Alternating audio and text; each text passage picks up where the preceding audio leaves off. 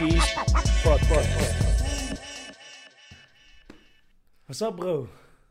Daar zijn we dan. Peace by peace. Ja, dankjewel dat ik er mag zijn, man. Ja, super dope, man. We zijn hier. We zijn hier. Ja, waar zijn we? Ehm, ja, man, welkom. Ehm, Dankjewel. waar ben je? Je bent bij een podcast, de Peace by Peace podcast. Ja, man. We bevinden ons hier in Den Bosch op het Mm. moment. Ja, man, we gaan, eh, we gaan vandaag een beetje lullen over van alles eigenlijk.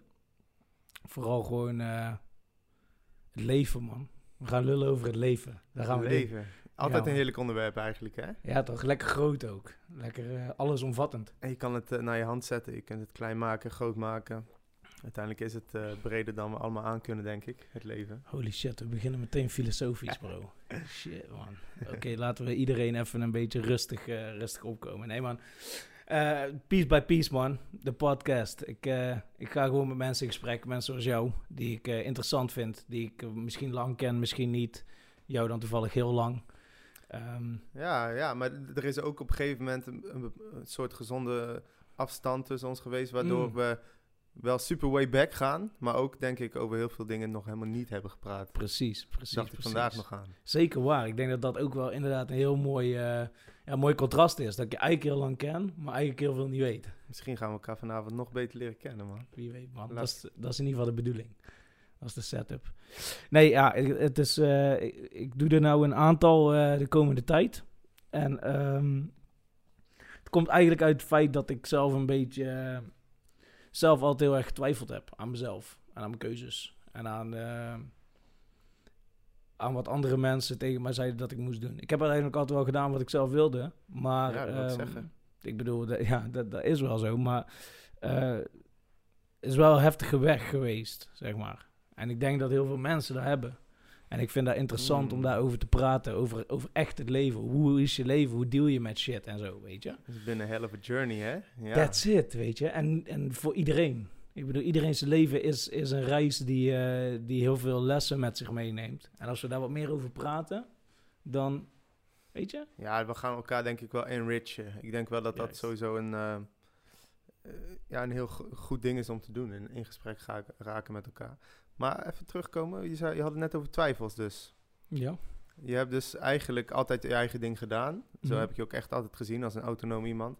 Maar je hebt vaak getwijfeld onderweg. Is Ja, dat een beetje wat je probeerde te zeggen? Ja, man, nog steeds, man. Tuurlijk. Ik bedoel, twijfel hoort erbij, denk ik. Eh ja, komen we daar ook wel dieper op terug. Omdat dat is wel Mhm. een groot deel van mijn leven, zeg maar. Gewoon eh, twijfelen over dingen die ik moet kiezen, maar ook keuzes die ik heb gemaakt. En ehm, niet zozeer dat het me helemaal eronder het door brengt en zegt van... Oh, ik doe niks meer, want ik twijfel over iets. Nee, ik maak gewoon keuzes en ik doe gewoon dingen. Maar de twijfel is er wel, weet je wel. Die realiteit is er wel. Dat ik gewoon avonden wakker lig en denk van... Hé, hey, fuck. Hé, toch? Zo nu en dan op zijn tijd popte gewoon zo'n soort eh, periode op. Hè, Ja, eens. ja. ja. Hoort denk ik zo. Maar eh, bro, als eerste, ik heb, ik heb jou gevraagd om iets mee te nemen. Hmm, Ja. en daar wil ik eigenlijk, eigenlijk mee starten. Omdat ik dacht, ehm, ik ga met mensen in gesprek die ik goed ken of eh, lang ken. En eh, mensen die ik misschien helemaal niet zo goed ken. Die ik misschien een paar keer maar gezien heb. Maar die ik wel heel interessant vind. Of echt tegenop kijk. Ik dacht, dit is een mooie brug tussen iedereen. Weet je? Gewoon kijken, wat is nou... Als ik zeg, neem iets mee dat je interessant vindt. Of mooi vindt. Of waarde aan hecht. Wat neem je mee? Dus, ik ben benieuwd, man. Ja, Wat is het? eigenlijk dus mijn piece. Ik heb een Ja. piece meegenomen. Jouw peace. Precies. Ja, ik vind dat super leuk eigenlijk. Leuke manier van kennis maken, man. En nou ja, voor degenen die dit alleen luisteren en niet zien. Mijn piece eh, draag ik hier op mijn lichaam bij me. Aight. mijn linkerkant. Het is een, een pin. En eh, nou ja, het is een pin van eh, de, de stripheld uit de vorige eeuw, Kuifje. Oh, Oftewel Tintin. En ehm, dat is sowieso een beetje de aanleiding geweest en altijd mijn inspiratie geweest als kind al om ook te gaan tekenen. En, eh, maar het gaat nog veel dieper dan dat eigenlijk hoor. Maar de, de pin laat, het is niet zomaar een pin van Kuifje. Het is een pin van Kuifje voor een canvas die een zelfportret aan het illustreren is. Maar dat is niet Tintin zelf. Op het canvas zie je eigenlijk het portret van Hergé, de auteur. Dus de tekenaar van Oh Kuifje. shit. Ja, ik kan er wel even afdoen, dan kun je Ja, er iets beter naar ja, kijken. man. Maar het is een zelfportret van zijn eigen held, eigen gecreëerde held. Eh dat vind ik een superleuke aanleiding. Daar heb ik gewoon heel veel over te vertellen, denk ik. Hier kun je Ja, van dichterbij zien. En een leuk detail erbij om te Oh, vertellen shit. is dat dit het, een cadeautje is dat ik kreeg van mijn eh, dierbare vriendin eh, bij het afstuderen aan de kunstacademie. Heel lijp. Dat is mooi, man. Shit. Maar snap je wat ik bedoel? Dat hij zichzelf eigenlijk illustreert. Ja, het is, het is heel diep. Het, Dus het normaal, is- de tekenaar tekent een personage, Ja. maar nou tekent dat personage De de tekenaar. Ja, het is, het is heel diep, man. Maar het is ook wel mooi, want je bent hier natuurlijk eh, bij deze programma. Ik vind je interessant, want je doet dingen en daaronder een van die dingen is tekenen. Weet je, dat doe je al heel lang. Nu vooral, volgens mij, hè? Of Ja. niet, doe je nou echt vooral alleen tekenen? Of doe je nog andere... Ja, je knipt. Je bent mijn barber, hè? Kun je wel Zeker. zien. Hij niet aan het werk. Ja, ja. Niet aan nee, inderdaad. Op dit moment eh, is het eh, flink aan het volgen, vol Ja, aan het groeien, jouw haren, inderdaad. Ja. Nee, inderdaad. ehm, ik doe van alles. Ik, ehm, ik vind het grappig om te zien hoe je het ziet, wat ik, hoe ik tekenen aanpak. Ja. Ik zie het zelf echt als de basis van mijn, eh, van mijn bestaan. Ik heb het eigenlijk altijd als allereerste ambitie gehad van kinds af aan om te tekenen. Tuurlijk, later in mijn tienerjaren, begin twintigers, kwam, kwam ik echt in de hip-hop terecht. Eh, we leerden elkaar sowieso in onze tienerjaren kennen. Ehm, ik heb wat uitstapjes gemaakt, podiumkunsten geprobeerd. eh, alleen eigenlijk is het tekenen echt waar mijn hart ligt. En daar heb ik nu inderdaad echt mijn, mijn werk van gemaakt. En los daarvan, we zeiden net al haren knippen, barber. Dat is mijn lifestyle. Dus eigenlijk sinds ik eh, een beetje naar de middelbare school ging en me, bewust ging zijn van mijn looks, ben, heb ik een een tondeuze gepakt, mijn eigen haar afgeknipt. En op een gegeven moment, ik vond het gewoon zo leuk. Ik ben dat blijven doen. En eh, het is gewoon een- mijn lifestyle geworden. En toen dacht ik, nou, dan kan ik het ook bij mijn vrienden, bij mijn broer, bij mijn familie. En, eh, dus ik zie het tekenen, dat is mijn carrière run. Dat is mijn passie, daar ligt mijn hart. En daar kan ik hip-hop voor inzetten. Ik kan het gebruiken voor hip-hop dingen. Maar ik, eh, het knippen zal ik altijd blijven doen. As Ja. een lifestyle, man. As a Ja, lifestyle. man. Je ziet er ook weer fresh uit, man. Het is een mooi contrast tussen die verse coupe en die... eh, ik zei al toen net, eh, ik heb mijn, eigen, mijn eigen baard gedaan. Yo, ik voel me helemaal schuldig dat ik hier vers geknipt aan de tafel zit. terwijl normaal ben ik verantwoordelijk voor jouw fresh man. looks ook. Shit, Corona, corona, man. Ja, nou ja, beter voorzichtig dan, eh, Nee, nee, dan het is- roekeloos. Het is wat het is, man. En, maar ik vind het heel dope wat je hebt meegenomen, omdat... ehm, ik ken jou natuurlijk echt super lang. ik heb jou leren kennen, wat dat? Ik heb met jouw broer in de klas gezeten, hè? Je kent denk ik eerst mijn broer, ja. HAVO 4 volgens Ja. mij, want ik bleef zitten op een gegeven moment. Want ik was niet zo heel goed bezig in mijn leven. Nee, ik kende jou al van hip-hop toen volgens mij. Nou, er was een jongerencentrum in Rosmalen, ja. die naast... eh, Number one, daar ja, heb die zat naast kennen. onze middelbare school. Daar heb ik jou sowieso leren kennen, man. En toen was je al die tekenaar, weet je wel. Toen was je Ja, al, precies, precies. Toen was je altijd al aan het tekenen. En ehm, toen zag ik dus een tijd, nou ja, zo weer een tijd geleden hoor, dat ik dat dan voor de eerste keer zag. Maar toen zag ik dus dat je nu rechtbanktekenaar bent. Ja, dat is inderdaad wat ik op dit En moment eh, doe, ja, sinds ik, een paar ik jaar. vond het zo fucking vet om te zien. Gewoon van, van weet je, eh, een beetje graffiti eh, buiten met ons. En weet je wel, ja, want dat waren we aan het doen, toch? Weet je, ik was niet de beste tekenaar, maar dat was wel het ding. En ehm, Ja, we waren echt de elementen van hip-hop aan het mengen in dat jongerencentrum. ja, toch? En, eh, en ondertussen tekende ik alles en iedereen. En eh, ook al is dat geen hip-hop element trouwens. Ik wilde gewoon heel graag dat dat een hip-hop element was. dat is het, denk ik, als ik er naar terugkijk. Eh, maar wat ik er nu mee doe, inderdaad, eh, tekenen vanuit de rechtbanken.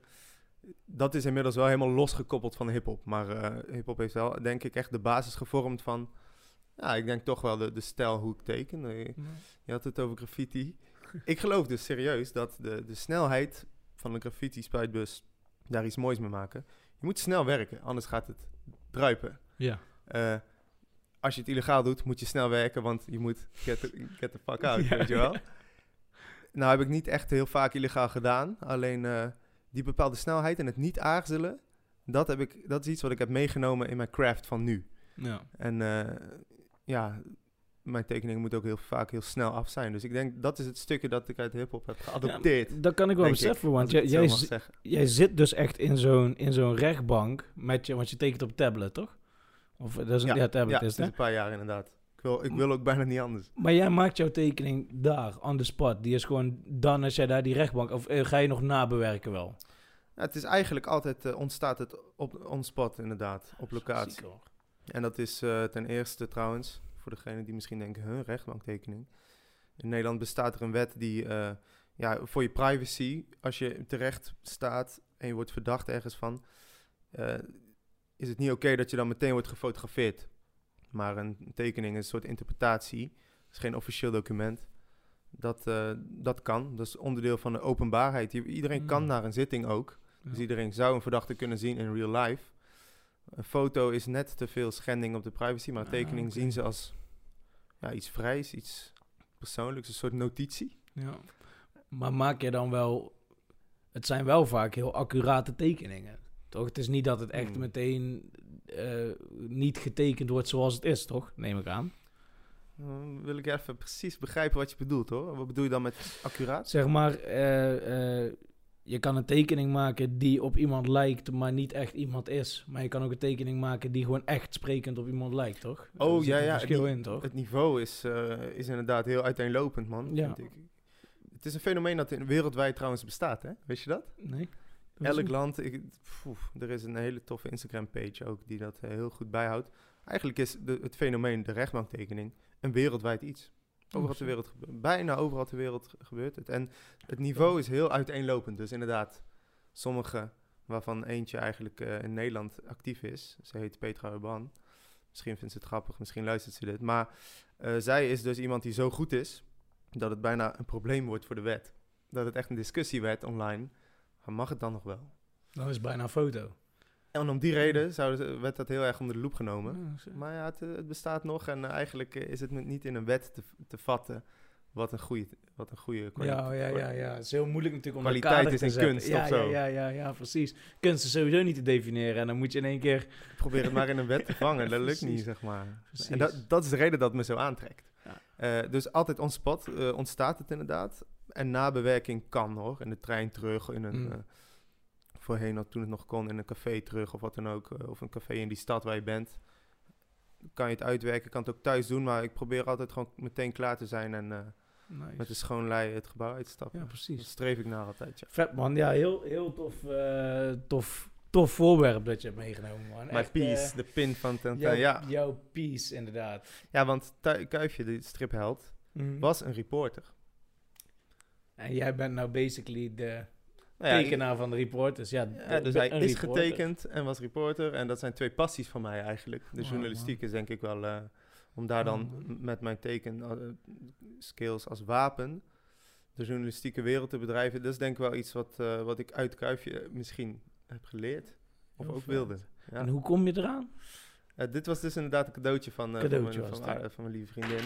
Oh, ik laat hem... Oei. echt, eh, Nee, eh, ik heb gekregen man. van mijn vriendin als uh, afstudeer cadeau van, eh, van de kunstacademie. is wel echt vet. Maar die heeft je dan ook wel echt heel goed gekend. Want je moet toch wel echt dit weten om jou zo'n cadeau te kunnen geven dat zo goed past eigenlijk. Daarom, dat gaat diep dit. Ja, Het is wel een belangrijk persoon voor je. Dus ook gewoon echt die... ja nog ja. steeds zie je dan ook Zeker, nog steeds, ja, zeker. We, gaan heel, heel lekker samen. Het gaat eigenlijk heel goed. Tegenwoordig, in, in nou ja, carrière gezien, sta ik eh, op dit moment wel stabiel met de corona. En ehm, ik als persoon eh, ben gewoon lekker bezig met mijn ding. Niet meer, ik ben gewoon ook mijn eigen baas. Mijn relatie gaat goed. Op dit moment eh, niet superveel te klagen eigenlijk. man. Dus heel corona is voor jou niet per se zo'n grote eh, impact als dat het voor misschien anderen wel is. Impact is het, zo, impact is het echt sowieso wel. Maar ik geloof gewoon echt dat eh, zodra er iets van een tegenslag komt, moet je gewoon immediately het positieve daarin proberen te zien. In plaats van mee te slepen in de negativiteit. En ik probeer het gewoon heel erg als een uitdaging te zien. Ja, mooi Van, eh, oh ja, nu komt een moeilijk level. Nou, Zie je het als videogame? Ja, misschien wel. Ja, mooi. Ja, mooi. Ja, nee, maar wel mooi, man. Gewoon een mooie, eh, mooie insteek. Want ik, ben- ik bedoel, ik ben ook ja, ondernemer dan, weet je. Ik, ik leef ook van, maar yeah. op het moment, eh, mijn eh, vakgebied is gewoon eh, stil. En ik kan heel veel creatiefs doen. En ik kan heel veel creatieve dingen doen. Maar ehm, ik heb altijd gewerkt vanuit passie. En ik, ik ben nou niet op een punt dat ik zeg van ik ga nu iets anders doen om geld te verdienen dan met mijn passie. Want ik heb daar zo hard voor gewerkt, weet je. Ik ben daar zo Mm. lang mee bezig. Ik, ik, ik kan daar gewoon niet helemaal eh, over mijn hart krijgen. Maar ja, ondertussen is er geen geld. Dus het is gewoon eh, Tozo life, weet je wel. Alleen, dan denk ik soms bij mezelf, ja, ah, ik heb het zwaar, ik heb het zwaar. Maar als ik dan echt die reality check doe, kijk, jij Ja. zegt wel, ik zit lekker. Maar ja, er zijn ook heel veel bedrijven die over de kop gaan. En die gewoon niet meer bestaan. En die niet meer hun ding kunnen doen. En Ik heb het ook echt over dit moment, Mm. this actual moment. Nu ga ik eh, wel lekker of zo, maar het is eng. Het blijft eng, man. Het is, eh, als ik het moet eh, vergelijken, zou ik het willen vergelijken met eh, jong leren. Ondernemen bedoel ik dan, hè? Ondernemen is gewoon echt jong leren. Je kiest zelf met hoeveel kegels, wat zijn het? balletjes, kegels, Ja, kan. je kiest zelf Zwaarden. wat je, waarmee je jong leert. Je kiest zelf met hoeveel je de jong leert. Maar het, het is in die end altijd eng eigenlijk, hè? Mm. Tenminste, dat vind ik. Het, het, er zit zeker een, eh, een onzekere factor aan, ja, die, die heel vaak opspeelt en waar je gewoon tegenaan loopt. En dan zeker nu in die coronatijd. Het is gewoon eh, extra heftig, omdat het elke Ja. keer weer dicht gaat en dan weer open en dan weer dicht en dan weer... Ja, maar je, je had het over je passie en zo, hè? Je vindt dus geen optie om iets te doen buiten je passie. Nou ja, klinkt misschien wel heel zwart-wit, maar... Dat klinkt inderdaad Waar wilde, je- waar wilde je een beetje heen? Nee, dat, dat, eh, dat is het niet. Ik, ik, ik, ik wil gewoon... Ik kan nu wel andere dingen gaan doen, maar ik wil nog steeds bezig zijn met mijn, met mijn passie. Dus met mijn bedrijf, met mijn dans, met dingen creëren, dingen bedenken, voor als het dadelijk wel weer begint. Ehm, maar dat betekent dat ik niet tijd heb om dan bezig te gaan met een baan of een weet ik veel wat om geld te verdienen. Snap je? Het is gewoon kiezen of delen. Er gaat zoveel Ja. tijd in zitten in het ondernemen. Ook al krijg je nou geen geld betaald, weet je wel. Sacrifices. Dus het is Tozo live. En dat maakt het wel zwaar. En ehm, Maar ja, ook wel super, super luxe eigenlijk als je erover nadenkt, hè? Dat, er een Tozo live ja, is. 100%. 100%. Alleen het is, ook- het is super chill, alleen je zit wel vast. Snap je? Want je, ik zit aan Mm. 1050 vast. En als ik nou een job krijg van 500 euro, dan word ik 500 euro gekort in mijn Tozo. Dus wil, je dan nog, wil je dan nog werken? Nee, dan wil ik, dan, ik wil nog steeds werken, maar ik kan die job niet betaald doen. Weet Ja. je, dus het is, er, er zit zo'n... eh, want het kan gewoon niet. Want dan, Ja, man. dan doe ik die job en dan word ik 500 euro gekort. En, en dan? Een soort berenklauw. Als Ja, je- die heeft je vast. En hoe harder je probeert los te gaan, hoe harder je terug... Ja, Dat. En dan nogmaals, hey, er zijn heel veel bedrijven die gewoon niet meer bestaan. Die failliet zijn, die schulden hebben. En dat heb ik allemaal niet. Weet je wel? Het gaat daarin hartstikke goed. Dus dat is ook wel eh, fijn om af en toe aan te relativeren. Maar ik denk, eh, ik, ik denk dat het goed is als je je nu fijn voelt. In, in hoe het gaat, snap je? Want er zijn niet veel mensen, er zijn heel veel mensen die zich niet fijn voelen op het moment, denk ik. ik ben me daar super erg van bewust, hè. En eh, het is ook niet dat alles eh, helemaal... eh, roze geuren, maneschijnen is Hmm. altijd. Maar misschien is het wel een way of life, hè. Om de gewoon dingen zo rooskleurig pro- mogelijk proberen te, te zien. Ik denk dat dat is iets is wat ik altijd heb geprobeerd, in ieder geval. Ja, natuurlijk. li- life is life, weet je. Het blijft altijd een struggle. Het is nooit allemaal goed. Dat kan niet. Dat Nee, is, maar ook eh, nu met corona is het gewoon inderdaad een hele gekke, ja, een gekke tijd waar we gewoon later, eh, ik weet niet als je later kids hebt hoor, maar als we later kids hebben misschien kunnen we echt op historisch praten over deze tijd hè. Weet je nog die tijd dat ik niet, eh, niet De- op de bezoek mocht s'avonds? De crisis van 2019. Heftig, man. Ja. Maar we, leidt je werk eronder? Rechtbank tekenen? Leidt dat onder... Mm, Onder- in principe zijn dat dingen die nog gebeuren man. Er, zijn gewoon, er loopt gewoon nog door. Ja, ik weet het natuurlijk niet. Nou, deze week nog een klus gehad in, in. Zwolle. Oh. En ehm, ja, het gebeurt eigenlijk gewoon. En of het nou echt in wordt gekort of niet, nee, ik, ik merk het. Het is sowieso een beetje een, ehm, een business die op onafhankelijke wijze dus gebeurt. Dus ik doe dat als ZZP'er. Eh, Het, het sporadisch, zocht, dat woord zocht ik. Het is iets wat sporadisch gewoon op je pad komt. Ik probeer door de week vooral beschikbaar te zijn voor eh, Hmm. oproepen van mijn Ja. verschillende klanten die me rechtbanktekeningen vragen.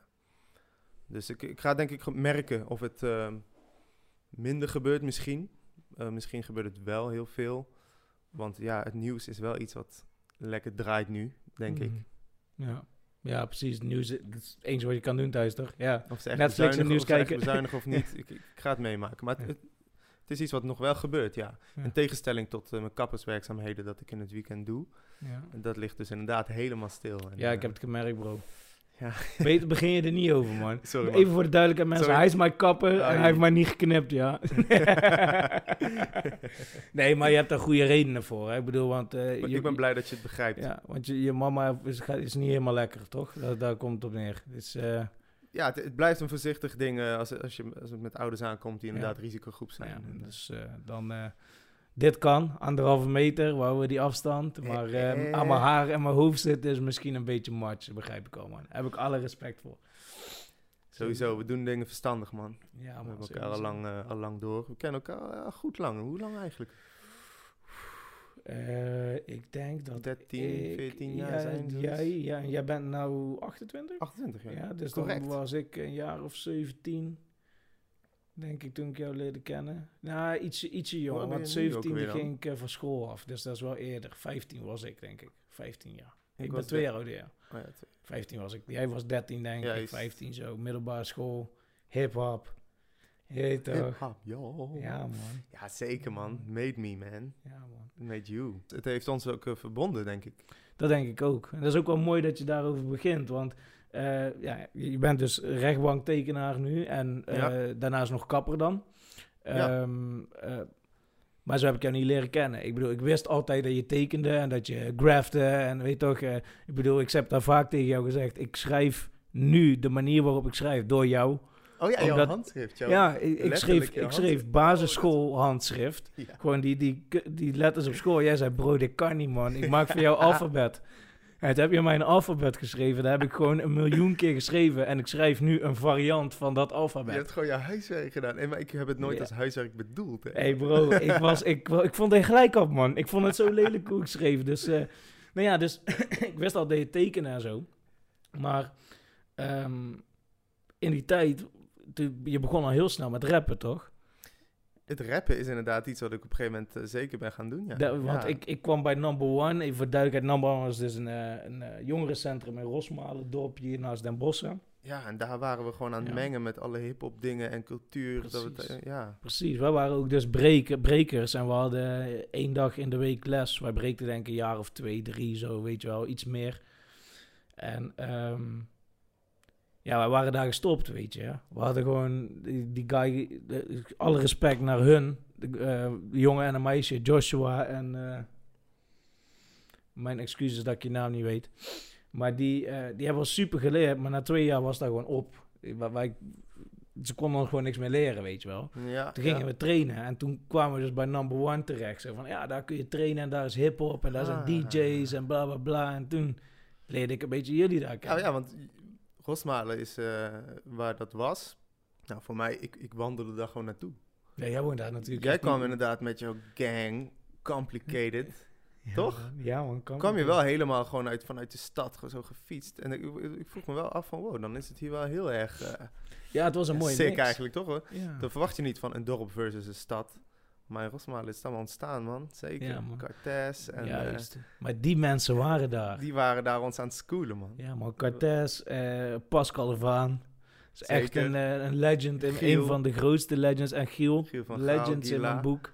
Ik zie dat nog steeds als mijn leermeesters. En ik zeg het ook 100. tegen ze. man. Ik eh, precies hetzelfde, man. Als ik ze tegenkom, en laat ik ze dat altijd even weten. Dikke shout-out naar hun. Sowieso. En ik, ik vind het ook tof dat ik dan nu met knippen ook, eh, dat ik hun ook kan knippen. Oh shit. Hen kan knippen. En op die manier ook de band versterken. Ja, maar we sturen playlists naar elkaar en Ah, zo. Ik en. Pascal. De- om de cultuur gewoon te blijven ademen, man. Ja, Ja. maar het- inderdaad, leermeesters. Zo zie ik ze nog steeds. En, ehm, maar ga door op die number one shit, man. Ja, nee, ja, gewoon was, was lijpe shit, man. Ik weet gewoon nog dat, dat ik daar gewoon met die boys kwam. We waren in dat complicated, zei je al. Maar we waren Den Bosch en Rosmalen mix, weet je wel. We hadden gewoon vier boys uit Rosmalen of zo. en eh, vijf of zes uit eh, Den Bosch. Ja, En ik zat op Rodenborg op school. De, het- ja, dus het, was, het sloot allemaal... Ja, het zat naast het eh, naast de number one. En het sloot gewoon aan, weet je. We kwamen daar op een gegeven moment een keer trainen. Pascal was dan volgens mij plaatjes aan het draaien. En eh, mensen waren aan het chillen, mensen waren aan het rappen. En eh, in één keer zie ik Pascal fucking toprocks doen zoals ik nog nooit in mijn leven heb gezien. En ik dacht gewoon, oh, deze guy is een monster, weet je. En vanaf daar zijn wij gewoon altijd daar. Master Yoda. Ja, nee, legit, man. Dit altijd als iemand vraagt van wie, die guy, man. Dat was de inspiration, man. Dat was, eh, was een van de realist. Ook rijkdom, hè? Om gewoon eh, een soort generatie boven je te hebben die, eh, Ja. die ze laat zien. Ja, Zo iemand ben jij nu ook gewoon voortaan. Voor mensen. dat zeggen ze. Ik voel me niet zo. Ik Nee? voel me heel vaak een klein kind. Maar misschien dat, het, een goed teken. dat het Dat daarom... echt eh, goed teken. dat ze het daarom maar interessant vinden. Wow, zou dat toen ook voor Pascal en zo? Ik en denk het wel, man. Zou dat ik ook denk zo het voor wel, zijn man. Ik denk dat hun zich gewoon ook echt lekker jong voelen daardoor. Weet je. Maar hun waren wel... Kijk, ik ben nou 30. Hun waren toen wat 4, 5 jaar ouder dan ons. Ja, ja precies. Oh, dat is Nu wel goed de om even erbij te zeggen, inderdaad. is de ja. generational gap natuurlijk wel groter. Is toen- waar, ja, alles ging ook langzamer toen, man. Als je eerlijk bent, er was geen Maar YouTube, de was geen social nu- media, je weet toch. Hun waren oud voor ons, bro. Hun waren gewoon oud, oud, Ah, je weet toch. Zo, heb ik het nog helemaal niet Eerlijk? bekeken. waren gewoon oude boys. Je- we- wanneer, waar kon jij ooit break, brekers of echte rappers echt zien? Dat, dat kon alleen dan daar, weet je wel. Je kon niet online, oh, nieuw rapper of eh, f- dope b-boy. Dat kwam, wel, dat kwam net een beetje op, hoor. Jawel, man. Het- je ja, zo, eh, maar je had geen YouTube, bro. Het was allemaal niet easy, man, om shit te vinden. Ik weet nog, kijk, ik moest, als ik een video wilde checken, moest ik... Of ik moest op Dutch B-Boy forum gaan zoeken. Forum tussen allemaal posts van mensen die dan daar iets gedeeld hebben, een videootje. Of ik moest gaan zoeken op Style to Houf, een Franse website. Wow. Of, of bboyworld.com. Weet je? En dat was het. Er- was, geen, je kon, er was geen één source waar je gewoon, net als YouTube, waar je gewoon kon zeggen: Yo man, b-boying. Ik ken de KZA-tijden ook nog, man. Downloaden wat je weet. Dat is dat, weet je wel. Ja. Maar dat, dat is Maar nu anders. dat, je hoeft het niet meer te weten. Je hoeft alleen maar te zeggen: oh, op je hoofd draaien. En je dus, ziet dus eigenlijk iets. bestaat, bestond er ergens een cultuur, maar dit, dat was gewoon, ja, letterlijk, nou ja, niet letterlijk, maar het was gewoon echt underground shit. Ja. En, nou ja, hierbij wil ik dan niet zeggen dat er geen underground shit op YouTube bestaat, maar Tuurlijk wel. in principe, als je op YouTube staat, ben je dus niet meer per se underground. Je bent gewoon Ja. underground. Je bent Underground. Je bent in de cloud. Van underground tot in de cloud. Underground in de cloud. nee, maar ik vind dat wel interessant, bro. Want het is... Je weet toch, wij zijn, wat je wel zegt, wij hebben daar precies in het midden gezeten. Er was Ik niks. denk het wel, ja. nou, ja. kijk waar we nu zijn. En dat is gewoon in een sp- tijdspan van 15 jaar tijdens het opgroeien. Je weet toch, je hebt thuis gezien, je, je hebt je eerste computer in huis zien komen. Kast. Zeker. Je hebt waarschijnlijk, dat weet ik niet of jij nog hebt, maar je broer sowieso, die heeft moeten inbellen om op internet te komen. Besef, jouw broer heeft dat nog moeten doen Ja. om op internet een website te laden, dat hij zijn huistelefoon van de haak moest leggen om op te bellen naar de Met dat provider dat geluid, hij op internet die- mocht. Dat fameuze... Da- Dat is toen ik 19 geluidje. was. 8, 19. Snap je? En nu is het, is het dit. Dat is best wel een heftige change hoor. Wat er allemaal gebeurd is. Wat er nu, wat er een beetje komen gaat, vind ik ook eigenlijk tering interessant, man. Oh, wacht. toch- Sorry voor het schelden. No maar eh, ik vind eh, echt wel fucking... Ah, doe ik het weer. Geen probleem man, Ik ze kennen gewoon- mij. ik vind het gewoon kei interessant. wat, waar het dan ook heen gaat, die ontwikkelingen. Ja. Namelijk gezichtsherkenning en al die dingen. Dat is wel iets wat we toen nog niet... eh ja, waren we niet mee bezig. Had je je niet kunnen voorstellen. Ja, en gezichten vind ik sowieso altijd al intrigerend. Daarom teken ik dat vaak ook gewoon gezichten. Maar, joh, straks op een gegeven moment gaat, gaat dat misschien niet eens meer nodig zijn om... ehm, nou, wacht, waar wil ik heen? Ik ben met mijn werk altijd op zoek naar iets urgents. Een reden dat er eh, een meer... Even kijken. De meerwaarde. Ik zoek mijn meerwaarde op. Dus waar geen camera's mogen zijn, ga ik een, een gezicht maken. Ja, precies. Ja, soms vraag ik me gewoon af van, is het niet een, een uitstervend beroep en gaan niet op een gegeven moment al die apps, het, eh, eh, de, de gezichtsherkenning dingetjes. Nou, even een voorbeeld meteen, even concreet worden. Compositietekeningen van, eh, van politie. Ja. Iemand die opgespoord moet worden, weet je wel. Laten ze ook een sketch artist komen. Die dingen zijn eigenlijk al, dat is ook een beroep dat nog steeds bestaat. Maar het wordt wel steeds meer met apps gedaan. Dus politieagenten gaan tegenwoordig zelf met verschillende apps een gezicht samenstellen. Hmm. Dat is iets. ja, eh, zo er komt toch die, dat een beetje te vervallen. Eigenlijk jouw of een andere manier van tekenen misschien. Ligt er misschien op de loer. Dat lijkt me wel interessant, ja. Ja, ja, ja, ja. Piece by piece ga je die shit gewoon opbouwen, zeg maar. Lekker man, hij is scherp hè. maar eh, luister, toen ik jou leerde kennen bro. Mhm. Ik wist echt niet, ik wist echt niet wat ik aan het doen was. En dat is eigenlijk Nee? een beetje, nee man. En dat is eigenlijk een beetje wat, het allerbelangrijkste waar ik het over wil hebben. En dat is gewoon, Je was keihard aan het b-boy. Ik wist wel wat je aan het doen was. ja, ik ook. Maar, maar bro, ik, ik ben altijd zo onzeker geweest. Ja, ik ben vanaf kleins af aan ben ik echt gewoon super onzeker geweest. Ik durfde durfde nooit helemaal mezelf te uiten. Ik had altijd het gevoel dat mensen mij judgeden. Ik heb me altijd een outcast gevoeld. Echt gewoon altijd heel mijn jeugd. Ehm, ook in de tijden dat ik, eh, dat ik met hip-hop bezig was, dat ik jullie leerde kennen. Op dat punt was ik ook gewoon niet zeker van mezelf. Heel erg niet zelfs. En, Ja, dat is ehm, ook wel, ook wel te begrijpen. Ja, Tenminste, ook voelbaar, ja. Ik voel je. en... ehm, maar ik wist dat eigenlijk niet. Nee, maar dat is, dat is de point. Ik denk... Ik, ik denk dat niemand dat van elkaar doorheeft. Snap je wat ik bedoel? Mhm. Want ik, ik had zoveel onzekerheid in mezelf. En ehm, iedereen om mij heen zag eruit alsof ze het wel wisten. En als ze wel zeker waren. Maar ondertussen Ja. weet ik zeker dat 90% van die mensen eigenlijk gewoon ook helemaal niks voor snapten. En dat ik gewoon minder goed ben in mensen lezen dan dat je denkt. Weet je wel? dat je heel veel dingen kan hiden.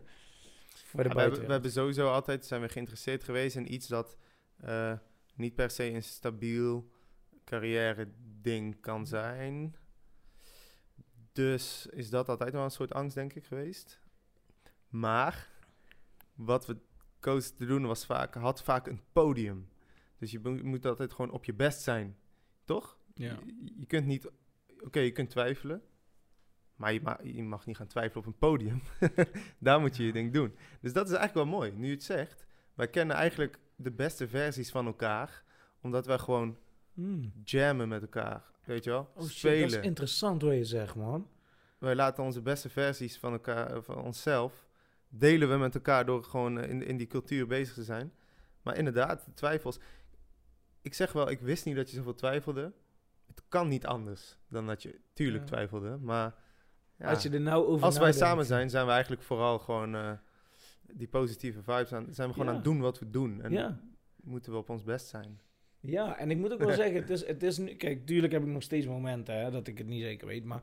ehm, het is veel beter geworden nu, omdat ik gewoon... Door alle keuzes gewoon te maken, uiteindelijk vertrouwen in mezelf heb gekregen. Van, hé, maar waar, ik kom er toch wel ergens uit. Snap je? Ja, welke keuze ik ook maak, ik ben stappen aan het maken. Dat is het belangrijkste. Weet je, ik moet vooruit blijven gaan. Dat is, dat is eigenlijk the only thing that matters Geld komt wel. whatever komt wel. Het enige dat te doen is blijven moven. Weet je Ja. wel? Eh, maar vroeger, toen ik jong was, was dat gewoon heel moeilijk. En voor mij, jij was ook gewoon een super zekere jongen van buitenaf. Snap je? Als ik naar jou keek. Terwijl ik vind dat dus geen waarheid. Maar, maar het is wel jouw waarheid. juist, maar dat vind ik interessant. Ja, en daar wil ik het over hebben. Weet je, eh, in die tijd, in die tijd dat wij in, eh, in, ehm, dus in onze jeugd zaten, ik kende jou net, of misschien zelfs net daarvoor, weet je, je bent van basisschool naar eh, middelbaar gegaan, naar Rodenborg, denk ik. Ja. De meeste kids, basisschool is redelijk te doen, maar dan kom je in één keer op dat middelbaar. En dan komt die slap. Ja? De meeste kids hebben dat. Heb je dat zo ervaren? Ik v- heb het denk ik eerder ervaren als let the game begin, man. Ja? Ja, denk het wel. Goede instelling, zeg zo jongen. Ja, en het klinkt ook met, eh, alsof... het klinkt dus ook alsof, ik, alsof het nu allemaal goed met me gaat. Alsof het allemaal eh, vroeger makkelijk was. Maar ik heb het niet per se als een slap ervaren. Maar ja, weet je, misschien ligt het ook aan... ehm, ik ben toch naar Nederland komen wonen als kind. Ja, want jij bent natuurlijk heel jong verhuisd. Dus ik ben in Zwitserland geboren en kwam op mijn zesde, toen werd ik net zeven, eh, in Nederland. Samen met mijn broer en mijn moeder. moeder. En ehm, dus hier, dit, dit is een beetje het antwoord op eh, wat ik net zei van... De basisschool was voor mij denk ik moeilijker, omdat ik me moest Ah, je moest adapten, aanpassen aan ja, dit land. Natuurlijk. U- ik moest Nederlands leren eigenlijk zelfs. Natuurlijk. Mijn moedertaal is dus Frans.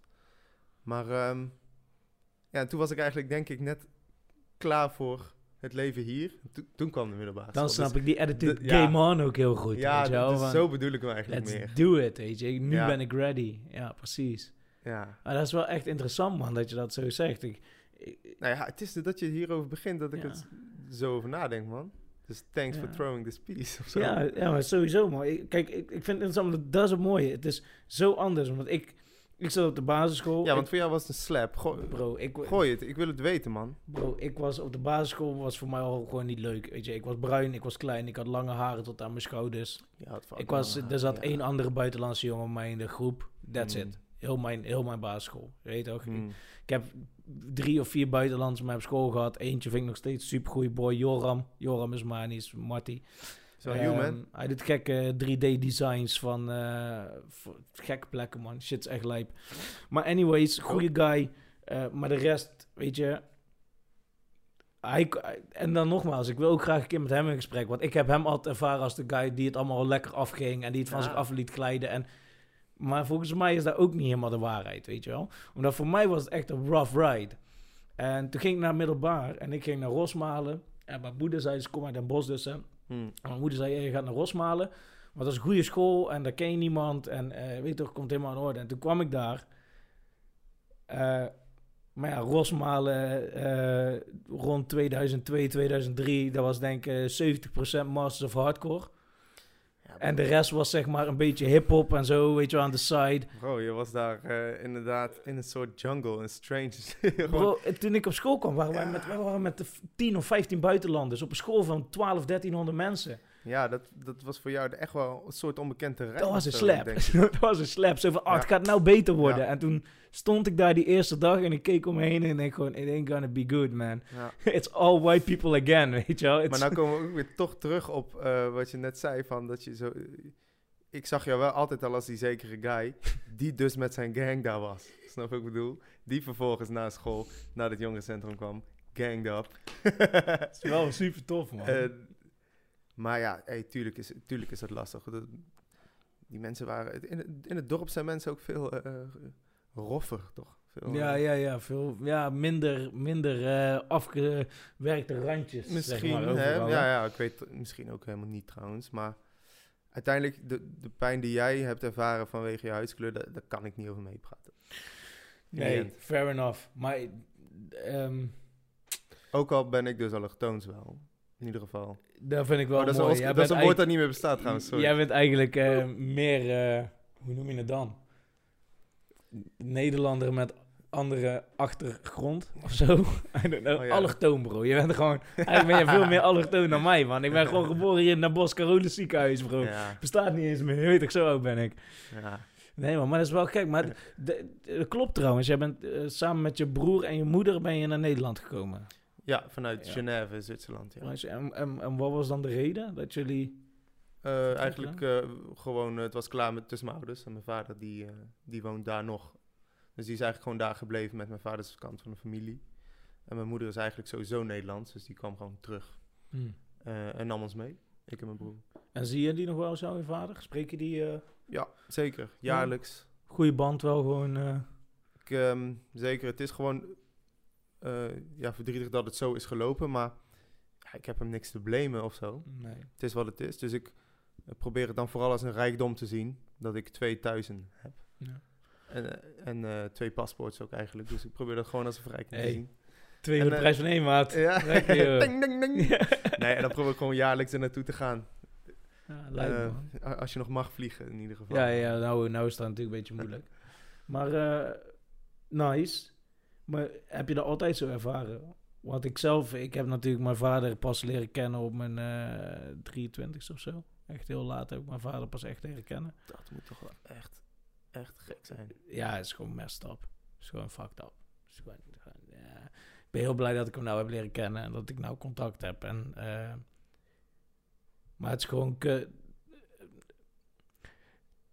het is gewoon heftig dat een probleem tussen twee mensen zoveel impact kan hebben op een ander mens. Dat is wel eens wat ik er erg aan vind. Dat twee mensen een, een dispute hebben. je ouders. Ja, en die hebben gewoon iets gecreëerd. Die hebben mij gecreëerd, om wat voor reden dan ook. En omdat hun iets niet kunnen besluiten, is het mijn hele leven geïmpact. En dat heb ik wel altijd heel heftig gevonden, zeg maar. Weet je? Dat is, Maar eh, vanaf wanneer wa- werd je dat bewust? Want eigenlijk heb je iets van je weet niet beter, denk ik dan toch? ik heb altijd heel veel gemist, man. Ik heb altijd heel veel gemist. Mijn moeder is een geweldige vrouw. Ik ken mijn moeder. Mijn moeder is echt eh, topper. Zeker, Eh, zeker. Maar twee kids, mijn zus en ik. Eh, mijn zus, als Winter Vermeulen, super zangeres. Echt geweldig. Ehm, maar we zijn allebei niet de makkelijkste, weet je. En daarnaast, alleenstaande moeder. ehm, gewoon twee kinderen, Ja. laat in haar leven. Maar Ja. pas gekregen op de veertigste, weet je wel. Zo. Ja, wat ga je doen, man? Wat ga je doen als je dan dat kind op de wereld hebt Ja. gebracht? Je bent niet meer samen met die, weet je wat? Het is, het is, eh, het is een rough, rough ride. En dan, ik, word gewoon, ik werd gewoon boos. Ik was gewoon boos. Ik was altijd boos. Ik was zo boos op mijn Logisch, vader. Gewoon zo boos, Logisch. zo, zo. Maar ook, ook omdat ik one, one story gehoord heb. En ik hou van mijn moeder en... eh, eh, alles wat zij mij verteld heeft, dat mag ze mij vertellen en dat is goed. Maar het is wel maar one side of the story. Dus ik heb gewoon Ik één hem. beeld gevormd en heel erg afgezet tegen mijn vader willen kennen, maar ondertussen geen goed rolmodel in mijn leven hebben, een mannelijk rolmodel. En gewoon heel lang niet weten wie je bent. En gewoon niet weten. Ja, ja die, warm, die pijn kan ik dan enigszins ook een beetje delen, inderdaad. Van, de- van een vaderfiguur die niet was. Ja, inderdaad, one side of the story. Ja, terwijl voor mij voelt het ook als the only side of, of the story. Ja, En ja. dat bedoel ik met eh, niet beter weten. Op een gegeven moment is de situatie waarin je opgroeit normaal. Ja. Tuurlijk mis je altijd iets. Ja. Ik kwam er pas later eigenlijk achter dat ik iets miste. Eh, of misschien snapte ik het later of zo. Ah, in die end, ik ben gewoon altijd dankbaar voor eh, ja, de kracht die, die mijn moeder toch wel als stabiliteit had. Ze- alles wat ze kon. Ja. En uiteindelijk zijn we nog steeds hier. En zijn we toch wel ontwikkeld tot, eh, ja, tot volwassen mensen die eigen keuzes kunnen maken. Hey bro, maar dat is ook echt all respect naar mijn mom. Weet je, she ik, a weet niet power of ik, woman. het, ik weet niet of ik het na zou kunnen Jouw doen. moeder same, the end. all love. Toch? Jeff, Jeff's moeder, Onze moeders Oh, zijn wel een beetje je, hetzelfde pa- soort fucking mens. power woman, weet je. Maar eh, Zekers. eindstand, ik, eh, voor mij was het heel belangrijk om, om dat te zien. Wie ben ik? Ik ben, ik ben een gecompliceerd persoon. Dat weet ik van mezelf. Ik heb eh, heel erg, ik kan heel erg driftbuien hebben en, Mm. en, en eh, heel erg problemen met mijn emotie. Weet je, mijn range Mhm. van waar het heen gaat. En ik heb daar nooit echt gesnapt, want mijn moeder is de godin zelf, super lief en Precies. toch? En ehm, het heeft echt dat moment leren, mijn vader leren kennen, die familie leren kennen, nodig gehad om te snappen van, ah, oké, I ain't crazy. Dat it's in my blood, weet je. Al deze mensen zijn whack doodles, Zo, je weet toch? zo. Heel deze familie is gewoon crazy as fuck. Dus die, eigenlijk leerde je niet alleen je vader pas kennen, maar toen pas ook Ja. die kant gewoon helemaal. Maar ik, ik heb echt het gevoel dat ik pas mezelf heb leren kennen. Ja, dus ook ik, eh, jezelf Ja, eigenlijk. echt, daar heb ik echt dat gevoel heb ik echt dat ik pas op mijn 23e snapte. De eerste keer dat ik in Londen was, eh, toen ik gewoon daar zat en ik iedereen om me heen zat en een dag had gesproken met mijn familie, dat ik gewoon dacht van, wow, what the fuck. Hij houdt van dat waar ik van hou. Hun drinken allemaal dit wat ik drink. Hun, hij praat alleen ja, maar ja, over ja. dat wat ik praat. Hij heeft, al, hij heeft al geschreeuwd, gehuild, eh, iemand geknuffeld en is naar huis gegaan. eh, die, die, huilend. die oom daar doet een headspin, dat Ja. is ik. Nee. dance battle met een neef, weet je, die dan Oh. ook gewoon... eh, maar het is echt gewoon zo van, holy fuck. wow. Je weet toch, deze Hey, family... Geweldig, toch? Ja, heel tof. is heel tof. Maar teruggaand op jouw vader. Ik, Mhm. je zegt wel, ja, je hebt het ge- geaccepteerd en nu vind je het mooi, je hebt twee huizen. Maar opgroeien moet daar wel lastig zijn geweest, toch? Als ik op terugkijk vooral. Ja, en, Ja. ehm, Maar niet zo ervaren. en als ik in het nu kijk ook. Dus ik weet nu echt heel goed eigenlijk waar, eh, wa- waar mijn rug zwak is daardoor. En, eh, maar ik denk dat ik gewoon heel roekeloos door, door mijn jeugd ben gegaan. En ik weet ook niet... Ik weet ook nog steeds niet eigenlijk hoe ik de middelbare school heb, ooit heb kunnen halen of zo. zo slecht was ik niet op school. Ik was echt serieus best wel braaf hoor. Ik deed echt wel mijn best. Alleen ehm, ik vond het niet makkelijk. Nee. En, eh, maar voor mij voelt het alsof zo de Tasmanian Devil. roekeloos. En, en, en nu pas leer ik ook eh, mijn eigen zwaktes kennen en mijn onzekerheden. En ik Ja. denk dat twee jaar of zo geleden ik pas ook een soort van mezelf heel hard tegenkwam. Ja. En dan kom je terug op dat vaderfiguur en denk je van, Ja. damn, daar lag het aan. Oh, al die Ja, tijd. precies. Ja, maar daar is het vaak, hè, dat je het niet merkt. En dan, dan gebeurt er iets en dan denk je, oh shit, dit, dit is het. Ja. Dit is de probleem. Ja, dan valt er ineens eh, iets kapot eh, uit je handen of zo. Dan schrik je ineens van die scherven. Ja, ja. Diepe shit, man. Oké, dus jij was hoe oud? 13 toen je hip-hop leerde kennen, toch? 13, hè? Ja, denk het wel. Ja, Dus je zoiets. was, je was zesde kwam je vanuit Zwitserland. Dan heb je een jaar of vijf gehad om te adapten aan de Ja. hele culture. Ja. Niet helemaal bewust met eh, vader is er niet bezig geweest.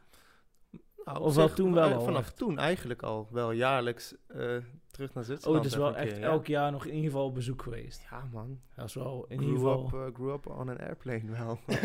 ik ben, op die reden hou ik ook echt van vliegen, man. Geloof ik al. ik word helemaal, helemaal zen en ontspannen als ik gewoon ga reizen. Ja, dat snap ik ook wel. snap ik helemaal. Ik krijg ook helemaal een chill gevoel bij als ik zo lekker een muziekje opzet in het vliegtuig. Ja, is Ja, lekker. man. Snap ik. Ik hou ook echt van, van solo een trip pakken, man. Met het vliegtuig of ergens heen en gewoon gaan. En met mijn je, koffertje. je hebt mooie reizen gemaakt, man. Ik heb mooie reizen. Ik wilde nog heel veel maken. Er stond veel de planning wat nou eh, gecanceld is en zo. Dus dat is jammer voor nu. Maar heb mooie plekken gezien. En, Daarom, eh, die heb je gewoon al gezien. Die- Ja, man. Maar eh, kijk, dat waren mooie trips en leuke trips. En dat vind ik geweldig.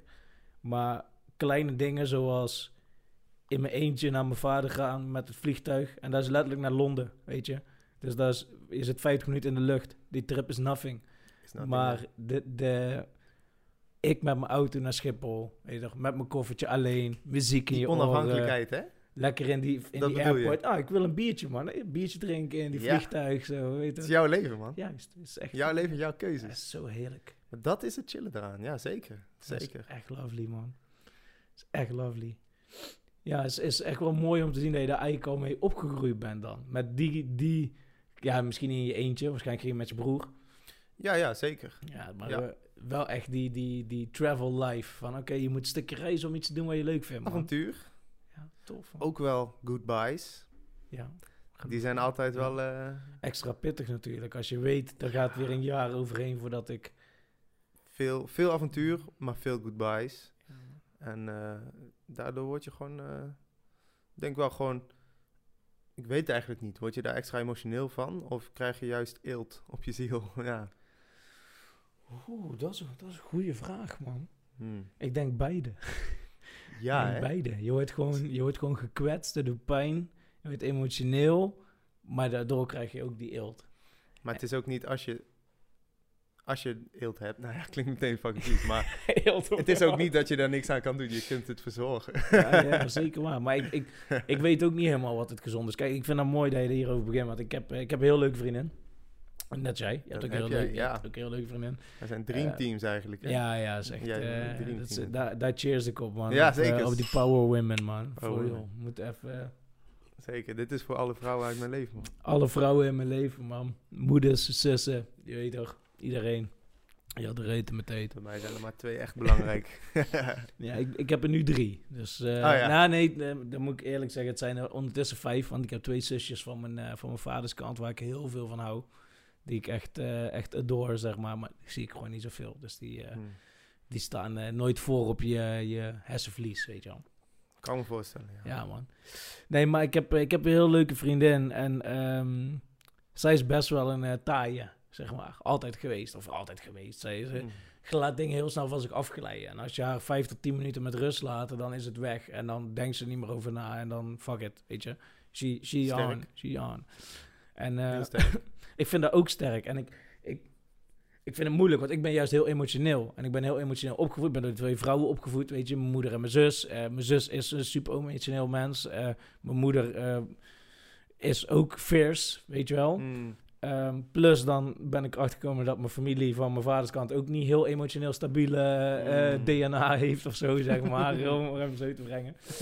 Ehm, nee, maar, maar ik, ik, eh, ik merk gewoon dat, dat wij daar heel erg in door zitten. Omdat ik trek emotie uit haar. Omdat ik, ik wil emotioneel levelen met iemand. Omdat ik ben heel emotioneel. En ook al Eh, wil je het misschien niet per se, je doet het toch wel onbewust, denk ik. Ja, is de ja en, zij vindt het ook wel fijn. Want ze merkt ook dat Misschien, het eh, goed is om te ontladen. Misschien heeft ze dat juist nodig. hè? Juist, maar ze merkt ook nu bijvoorbeeld dat ze het heel veel heeft. En ook dat harde was ook wel weer fijn. Snap je dat je op momenten gewoon kan zeggen van... nee man, ik ga je niet omgeven. Weet ook dat, ik bedoel, hoeveel, hoeveel fijner zou mijn leven soms zijn... als ik zou kunnen zeggen, nee man, ik ga hier niet omgeven. Oeh. You know? Ik vind dat Het best in je, interessant, het hoor. zit in je of het zit niet in je misschien, hè? Ik vind dat best interessant, dat dat eelt van... tot wat voor level is het goed om, om gewoon te zeggen van... hey, is goed man, I don't care about this. Hier, je kan mij niet gek maken, weet je wel. Of juist die emotie, die, die ah, ik voel het en ik... Eén is niet beter dan het ander. Het is echt een balans die je moet vinden. Het is denk ik mooi als je bij, van beide hebt, of, van beide kan. Maar dat is moeilijk. om dat te kunnen Ja. schakelen. Want Ja. je verliest jezelf in die emotie, weet je wel. Of je verliest jezelf vaak in die hardheid. Maar probeer eens in te denken, wat als die emotie er niet meer is? Saai, man. Fair enough. Dat- mijn leven is zeker niet saai. Het is veel, maar saai, dat weet ik zeker van niet, bro.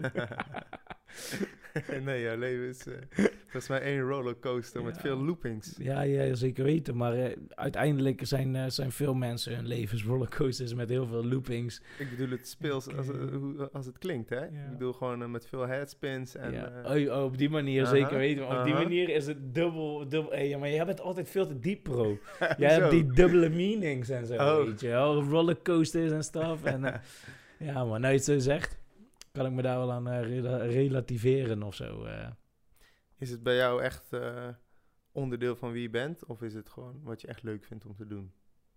De dans. headspins. Oh, eh, Headspins, ja. Headspins, ja. Ik ben eh, kou. Headspins is onderdeel van je Ja, man. Nee. ja, als ik wakker word, man, dan... eh, nee, nee, ik kan nog steeds niet zo goede headspins, bro. Dat is eigenlijk best wel shameful. Want ik ben kaal en ik doe gewoon elke dag headspins. En mijn headspins zijn eigenlijk helemaal niet zo goed, man. dat is echt heftig, hè. Is, Eh. maar is het wel je ambitie om daar de sixth in te worden? Of is het... Nee, no way, man. Nee, eh, wa- wat betekent... ik praat veel met, met, met boys en vooral met brekers natuurlijk. Omdat dat is gewoon de, de scene waar ik vooral in zit. En ehm, eigenlijk altijd komt het erop neer, weet je, je, je... Alles reflecteert elkaar. Als het goed gaat in jouw break, gaat het goed in jouw leven. Als het goed gaat in jouw leven, gaat het goed in jouw break. Weet je, het is een spiegel van elkaar, Mm. altijd. Als je werkt aan jouw structuur en jouw discipline en jouw whatever creativiteit in break, dan ga je dat ook terugzien in jouw leven.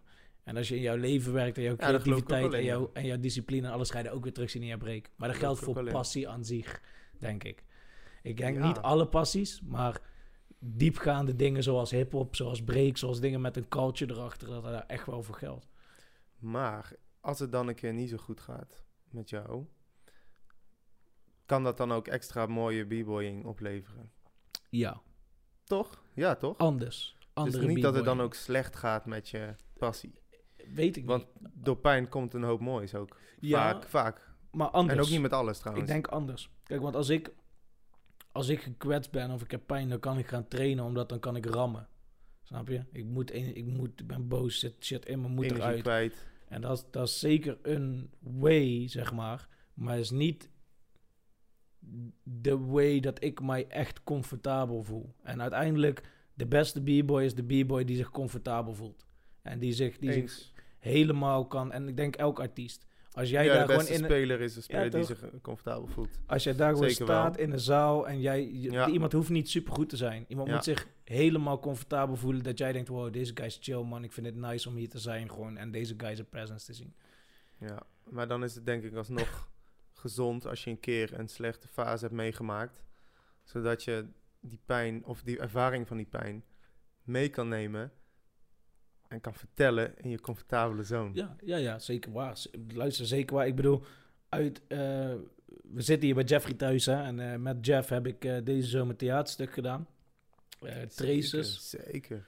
Traces Wow, ik ben gemaakt zo blij voor jullie dat jullie dat net hebben kunnen doen ja, toen het nog kon. Dit Was, was, echt een, een groots iets, hè? Ja, was heel dik. Was wel echt een shout-out naar gemeente Den Bosch. Dat ze de Bosse Zomer hadden gedaan. Dat we gewoon dingen konden doen. Zeker, ja, ja. En, hebben echt een powerzomer gehad, man. Ja, hij heeft toen met mij gewoon eh, een stuk gedaan. Dat is gemaakt door Shilas van IRC uit, eh, uit Utrecht. Die hoop ik ook ooit nog een keer te spreken Mhm. in deze podcast. Heel interessante guy. Mhm. En ehm, ja, dat was pure pijn. Dat was gewoon de struggle van broeders zijn en de struggle van het leven. en hoe je elkaar draagt en steunt en door shit trekt, vertaald in Mm. een stuk. Ik heb, ik heb menigmaal dat we dat hebben opgevoerd, gewoon Mm. keihard staan janken. En Zo. Jeff net zo goed. Weet je, en dat, dat is wat je zegt. Dat is de pijn gebruiken om in je artvorm. Weet je Ja, wel? maar gebruik je hem tijdens je pijn? Precies. Of niet? Maar het gaat nu goed met me. Ja, En ik kan nu die pijn gebruiken om het te channelen. Snap je? ja man. Terwijl als, je, als het niet goed is in je leven, dan kun je wel gaan breken of echt in je passie duiken. Maar negativiteit op een moment wekt eigenlijk bijna nooit positiviteit op. Snap je? Nee, nee, nee. nee Misschien nee. heel soms dat het wel eens gebeurt. Hè? Ik bedoel, niks is. Ja, zo is chemische reactie ineens. Zo, pff, oh. Ja, wow. maar niks is onmogelijk. Ja. Natuurlijk gebeurt er dat soort dingen wel eens. Dat iemand iets super moois creëert in zijn negatieve sfeer. En dat kan. Er zijn echt wel kunstenaars die dat vast doen. Zeker wel, maar ik, 100%. ik snap wat je bedoelt. Maar het is niet zeker. gezond. Ik snap wat je bedoelt. Het is ook mooi, nou ja, mooi, eh, om het later te kunnen gebruiken als je wel comfortabel in je schoenen staat. Eh, in een show of in een song of in een eh, kunstwerk. Maar eh, je kunt er ook voor kiezen het niet te doen, hè, eigenlijk. Ik denk dat het beter is om wel stil te staan bij eh, enige zware ervaringen die je hebt gehad. Ja. En dat, dat stilstaan, denk ik, om het gewoon een plek te geven. En dat, ja, als je dat kan in je kunstvorm, vind ik wel dat je dat zeker moet doen. Je Dat kunt het op een speelse manier doen of juist niet. Eens zo. Eigenlijk vraag ik me wel af of dat ook wel voor mijn kunstvorm geldt, joh. Nou, nee. Ja, Niet nou ja, dat, dat- ik, voor mijn gevoel heb ik wel wat meegemaakt, hè, wat pijn ervaren en zo. En, eh goed moment. maar of ik nou echt gebruik in mijn tekeningen? Ja. Nu ik erover nadenk.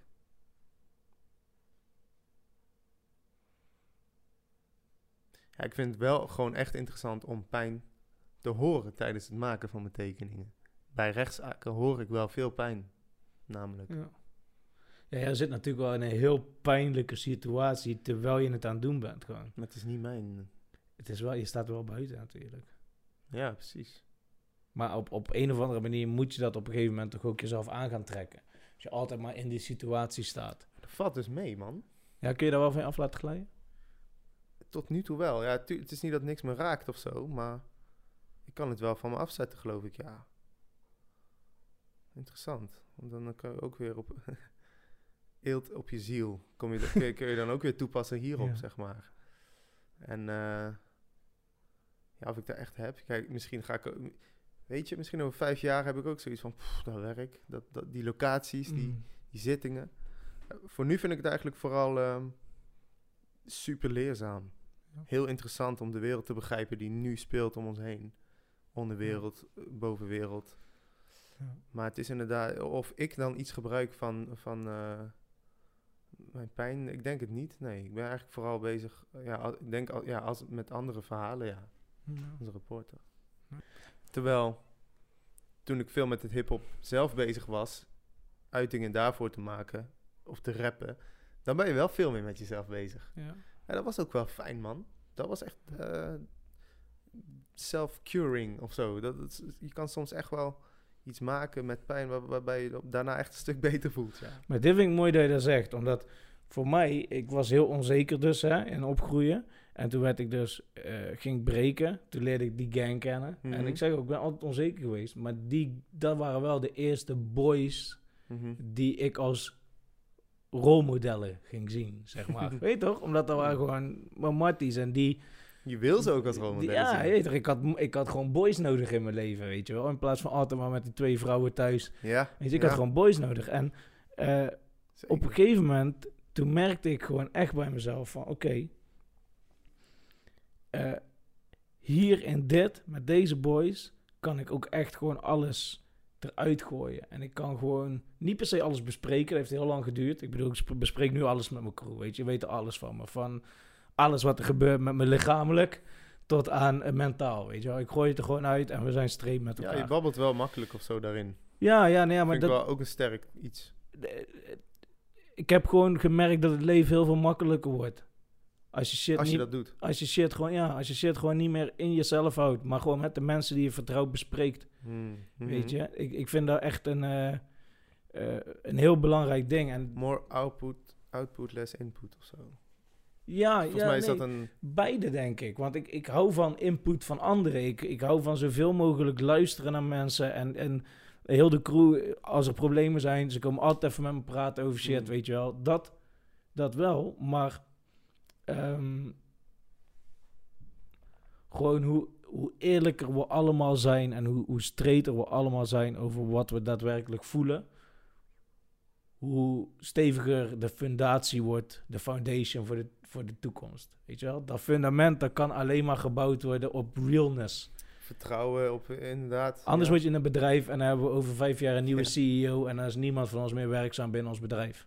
Dat is hoe het werkt als je, als je dat niet doet, weet je wel. Die realness, die, die, alles is bespreekbaar.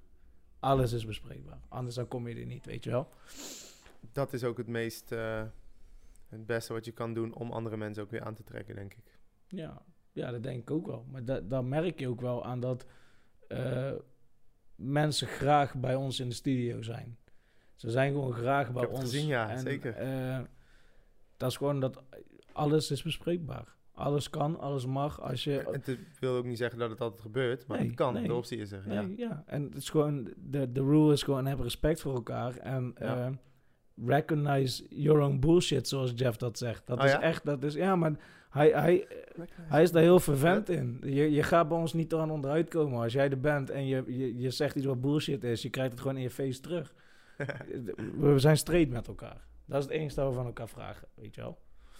Ja, je je gaat wel gewoon eh, lekker, lekker hard de keer tegen die kids of zo, man. Ik vind het Ja. tof, tof om te zien. Tuurlijk. Tough fucking love, man. Tough love, hè? Ja. Tough fucking love. Ik hou zielsveel van alle kinderen die bij Ja, en- breken. En, dat is, eh, en dat laat je merken door gewoon Ja. lekker gewoon... eh, Ze moeten gewoon respect hebben, klaar. Als ik vraag om je mond te houden, moet je gewoon je mond houden. ja. Want zo hoort het gewoon. Je hoort gewoon respect te hebben voor iemand die jou iets wil aanleren. Ja, maar ook in, die, in hoe je dat dan zegt, is die liefde toch wel voelbaar. Alleen het is toch... Ik, ik, ik vond het heel tof om, om eh, een paar trainingen te, gewoon te, te checken. Ja, ook tof dat je er was, sowieso. Eh, ik vind het mooi, want eh, hip-hop heeft dus best wel veel gedaan voor ons allebei. Zeker, Ja. ja, ja. Eh, heb je ook echt bewust gemerkt? Toen jij bezig was, want nu ben je wat minder actief aan het beoefenen van hip-hop. Je luistert Ja. natuurlijk superveel hip-hop nog. Ja, ik kan Eh, geen dag zonder. inderdaad. Maar je bent wat minder aan het, aan het echt in hip-hop bezig, arti- artistiek gezien, zeg maar. Ehm, maar wat heeft dat. Heb jij terwijl je bezig was echt met hip-hop het gevoel gehad van wow, dit is mij aan het brengen ergens heen, of dit is mij aan het ontwikkelen? Of was dat gewoon een. De, de hip-hop-cultuur bedoel Ja, je? ja, ja. Eh, ja, misschien, misschien zelfs andersom of zo. Dus het heeft me altijd heel veel voldoening gegeven sowieso. Maar ik heb heel lang echt eh, zitten zoeken en ploeteren in die cultuur om een carrière te vinden eigenlijk daarin. Dat was altijd de droom. Nee, dat was niet altijd de droom. Tekenen was eigenlijk altijd de droom. Maar op een gegeven moment kwam hip-hop zo in, in mijn leven inderdaad, vanaf jonge tienerjaren. En heeft me zo overweldigd dat ik echt gewoon eh, in, in die cultuur per se wilde gaan werken. Mhm. Gewoon. Je vond de cultuur wel mooi. Je Veel te mooi, veel te Hier interessant. moet ik zijn. Ja, en alleen gek genoeg is dat nooit ehm, helemaal uit de verf gekomen hoe ik het wilde. Want ik was ook op zoek naar iets wat ik helemaal zelfstandig kon doen. Eh, volledig zelfstandig gewoon. En waarbij ik alles zelf kon doen daaraan. Dus een, medium kiezen waarbij ik geen andere mensen nodig heb of zo. Zo ben ik een tijdje graffiti-artiest dan geweest. Deed de kinderkamers en zo in plaats van bij de Albert Heijn te werken, bij Ja, wijze van ja, ja, spreken. precies. En ehm, maar de, de, kom- er was op een gegeven moment een moment dat ik dacht, ja, die, die, die hip-hop kan ik ook dicht bij me dragen forever. Maar ik kan ook iets doen wat wel mijn eh, manier van werken, wat ik wil. Dat, dat kan ik wel chasen, maar misschien hoeft dat dan niet in de hip-hop cultuur te zijn. Maar goed, je hebt ook mijn, de posters gezien die ik heb ontworpen van, eh, Ja. van de kapsels die, Ja. eh, die ik dan knip bij Ja, bij barbarism, hè? Barbarism. Barbarism. Daar probeer ik wel weer de cultuur erin, weer in te stoppen. Dus de titels Ja. van de kapsels op die posters hebben hip-hop referenties. Mhm. En eh, het geeft wel veel voldoening om, ehm, ja, to be back on my bullshit of zo. Ja, precies. Om toch weer een beetje in die culture je beentje erin te zetten. Zeker, En, eh, Zeker. En als er eh, filmpjes van, eh, van online komen of zo, dan wil ik ook dat er gewoon eigen muziek onder staat. En dan heb ik altijd gewoon mijn producers gewoon klaarstaan, toch? Ino Zua en P- Pay That. Die hebben gewoon mijn back. Die maken dan gewoon toffe beats als er een video naar buiten wordt gebracht. Echt promo van de kapsalon. Ja. Dus eh, op die manier probeer ik het zeker terug te brengen. Want eh, het, zit gewoon, het zit gewoon in me. Ja, toch? Ja, luister bro, maar uiteindelijk, je werkt ook in een barbershop en je knipt gewoon eh, heel de breakcrew volgens mij. Je bent nog steeds elke dag met hip-hop heads bezig, heet toch? Met, met hip-hop heads. Met hip-hop heads. Lekker. Ja, ja. Nee man, hey, maar het is super dope dat, dat je gewoon zo eigenlijk vanuit hip-hop proberen te zoeken naar een dingetje en uiteindelijk uitgekomen bent bij iets helemaal buiten hip-hop. Terwijl ik had altijd, en dat is wel een heel mooi contrast. Ik heb eh, Perry Box heeft een tijdje ons getraind. De Perry Box hebben we ook de hem, boys eh, in Boxel leren kennen. Ook Greffer, hè? Dus Zeker. daar we misschien ook van kennen. Eh, van eh, Rugged, Rugged DJ's. Ehm, maar dat was mijn, nou ja, niet breekleraar, maar meer, ja, mentor of zo, weet je wel. Gewoon, Ja, ik zag hem Coach, binnenkomen mentor, ja. en Pascal en zo waren een beetje de, de, de OG's. En hij kwam ook, hij was daar ook bij en hij nam ons mee naar Boxtel. En in Boxtel kwam ik weer in aanraking met Len en Beetje, met... het- een beetje het gevoel van onze leermeesters in number one, hè? Ja. Beetje dat gevoel, Ja. maar dan ja. andere stad. Ja, maar hij kwam niveau. ook naar number one, want hij connected natuurlijk weer met Pascal en Giel en iedereen, want dat was Majestic. En hij danste break met Majestic, weet je. En eh, hij zei Ik heb nog één foto op een oude harde schijf staan, inderdaad, van hele crew, Majestic. joh. en volgens, volgens mij staat Perry daar ook Oh, op. ja, kan dat, dat? dat, dat, dat weet ik zeker. Hij was echt altijd daar bij die boys. En uiteindelijk zijn hun dus toen in 2005 de Ruggeds geworden. Eh, in die tijd nam hij ons altijd mee naar Hard. Boxstol. En toen hebben wij Len, Raniel, al die boys daar leren kennen. En dat is toen Cypher Active geworden. Daar hebben we Cypher Active gemaakt dankzij, eh, dankzij die boy, zeg maar. Super gruwelijk, man. Ja. De, bloem is daar ontstaan. Ja, ja, ja, ja, ja. Super, eh, super kicker. Gepopt. Ja, man. Maar hij is trouwens ook wel dope graffiti. uit. Hij doet ook veel, eh, op dit moment doet hij veel muren en zo. eh. Zeker, man. Zeker. Hij is ook altijd wel iemand geweest die ik eh, ja, als voorbeeld heb gezien. Zeker. En op een gegeven moment heb ik zelfs een stage gelopen bij Mad Skills. Oh shit. Ange- Angelo Martinez. ja, ja, Angelo Martinez natuurlijk. E-moves, ex-E-moves natuurlijk, hè? Nou niet meer. Luister deze. Ik was op die stage, half jaar of zo. 2013, 12, 13. En dat was dus eh, op Strijp S, Eindhoven. In hetzelfde gebouw als waar de, de Ruggeds ook trainden. En waar Fresco zat. eh, met zijn studio. En, Daar werk ehm, ik nou nog steeds, bro. Area 51. Ja, ja, precies. Ja, oh ja, gewoon Area 51. Op een gegeven moment moesten ze ook verhuizen naar de overkant of zo. En nu toch weer niet. Er werd veel gebouwd daar. Maar ehm, ja, Perry sprak ik daar dus ook gewoon dagelijks, man. En eh, e-moves, voordat dat bestond, liep ik daar stage. Dus basically heb ik eigenlijk mee eh, gedacht en de concepten een beetje. Oh, en titels een beetje met Angelo een beetje uitlopen vogelen. Hij heeft dat gewoon natuurlijk helemaal eh, naar eigen, op eigen kracht opgezet. Maar ik heb het ontstaansproces daarvan van meegemaakt toen. Van dichtbij, vlakbij de Ruggets, man. Dat is echt dik. Ja. En dit is iets wat jij bijvoorbeeld niet wist. Dat wist ik niet. Ja, nee, ondertussen werk ik gewoon natuurlijk met Area 51. eh, gewoon bij die dansschool, bij de Rugged Studio, wat vroeger Rugged Studio Het is was. allemaal één, man. Unity, man. Damn. hip-hop, man. That's fucking hip-hop, man. It all connects. ja, denk het wel. En, nee, maar het, het blijft ook verbonden dus, blijkbaar. En dat is wel hard. Zeker. Ja. Nee, ik heb dat wel als toffe, toffe jaar ervaren. Ik was echt nog wel een, een broekje, hoor. Dat is echt een broekie. Ik wist ook nog niet eh, dat ik op, op een dag ehm, deze weg zou inslaan. Nee, dat geloof ik. Dat is ook niet zomaar iets waar je 1, 2, 3 aan denkt, denk ik. Van, ik ga nou rechtbanktekening maken. Toch is dat wel iets wat ik als kind Ja? stiekem er een keer zo in me op was gekomen. En heb ik toen, ben ik dat gewoon vergeten. En ja, vijf, zes, zeven jaar later dacht ik, wacht eens even. Ik wilde dat doen. Ja, hoe zat dat ook alweer? Ben ik dat uit gaan pluizen en... eh, Zo doen. Na een paar, ja, heeft wel wat, eh, wat jaren gekost voordat het zich goed ontwikkelde. Maar met veel geduld is het gelukt. Ja, maar de, inderdaad, de, de hip-hopcultuur had me zo eh, overwhelmed, wat ik zei. En nu heb ik dat gewoon helemaal in me. Ja, ik heb het op mijn lichaam staan, toch? Ik heb een Wu-Tang tattooetje Ja, bij mijn voet, ja, toch? ja. En, ik- Wu-Tang, man. heb je deze ook al gezien, hoor? Ja, hè? Oh shit. Lord Quas. Oh shit, Quasimodo. man. Ja, je stuurde mij, je stuurde mij dus eh, inderdaad jouw inspirationele foto door. Eh, Shit, MF ik- Doom. Oh shit, ik M- ben jij gewoon voor, trouwens. MF Doom en... eh, ehm, wat is het? Ze? Eh, ja, Madlib en MF Doom. Madlib, ja. Ja. Madlib en MF Doom. Ja, vet man. Ik vond echt dik foto. Ik dacht, wow, ik ga even weer wat tracks luisteren. Ik ben even erin gaan duiken, weet je. Vet man. Wat de hel. Ik had echt een goed middagje. Ja, is dat zo? Ja man. Hard, man. Ja, ja keihard. Rest in peace MF Doom sowieso. Ja man, damn. Maar eh, ja, dus, dus dat is iets wat ik gewoon om die reden elke dag bij me draag. En eh, ja, MF Doom. Het heeft me wel geraakt hoor, dat hij... eh, Ja, is ik. overleden. Wanneer, wanneer was hij overleden? Het is nou, oktober vorig jaar. Oktober, hè? Ja. Maar het werd pas met nieuwjaarsnacht.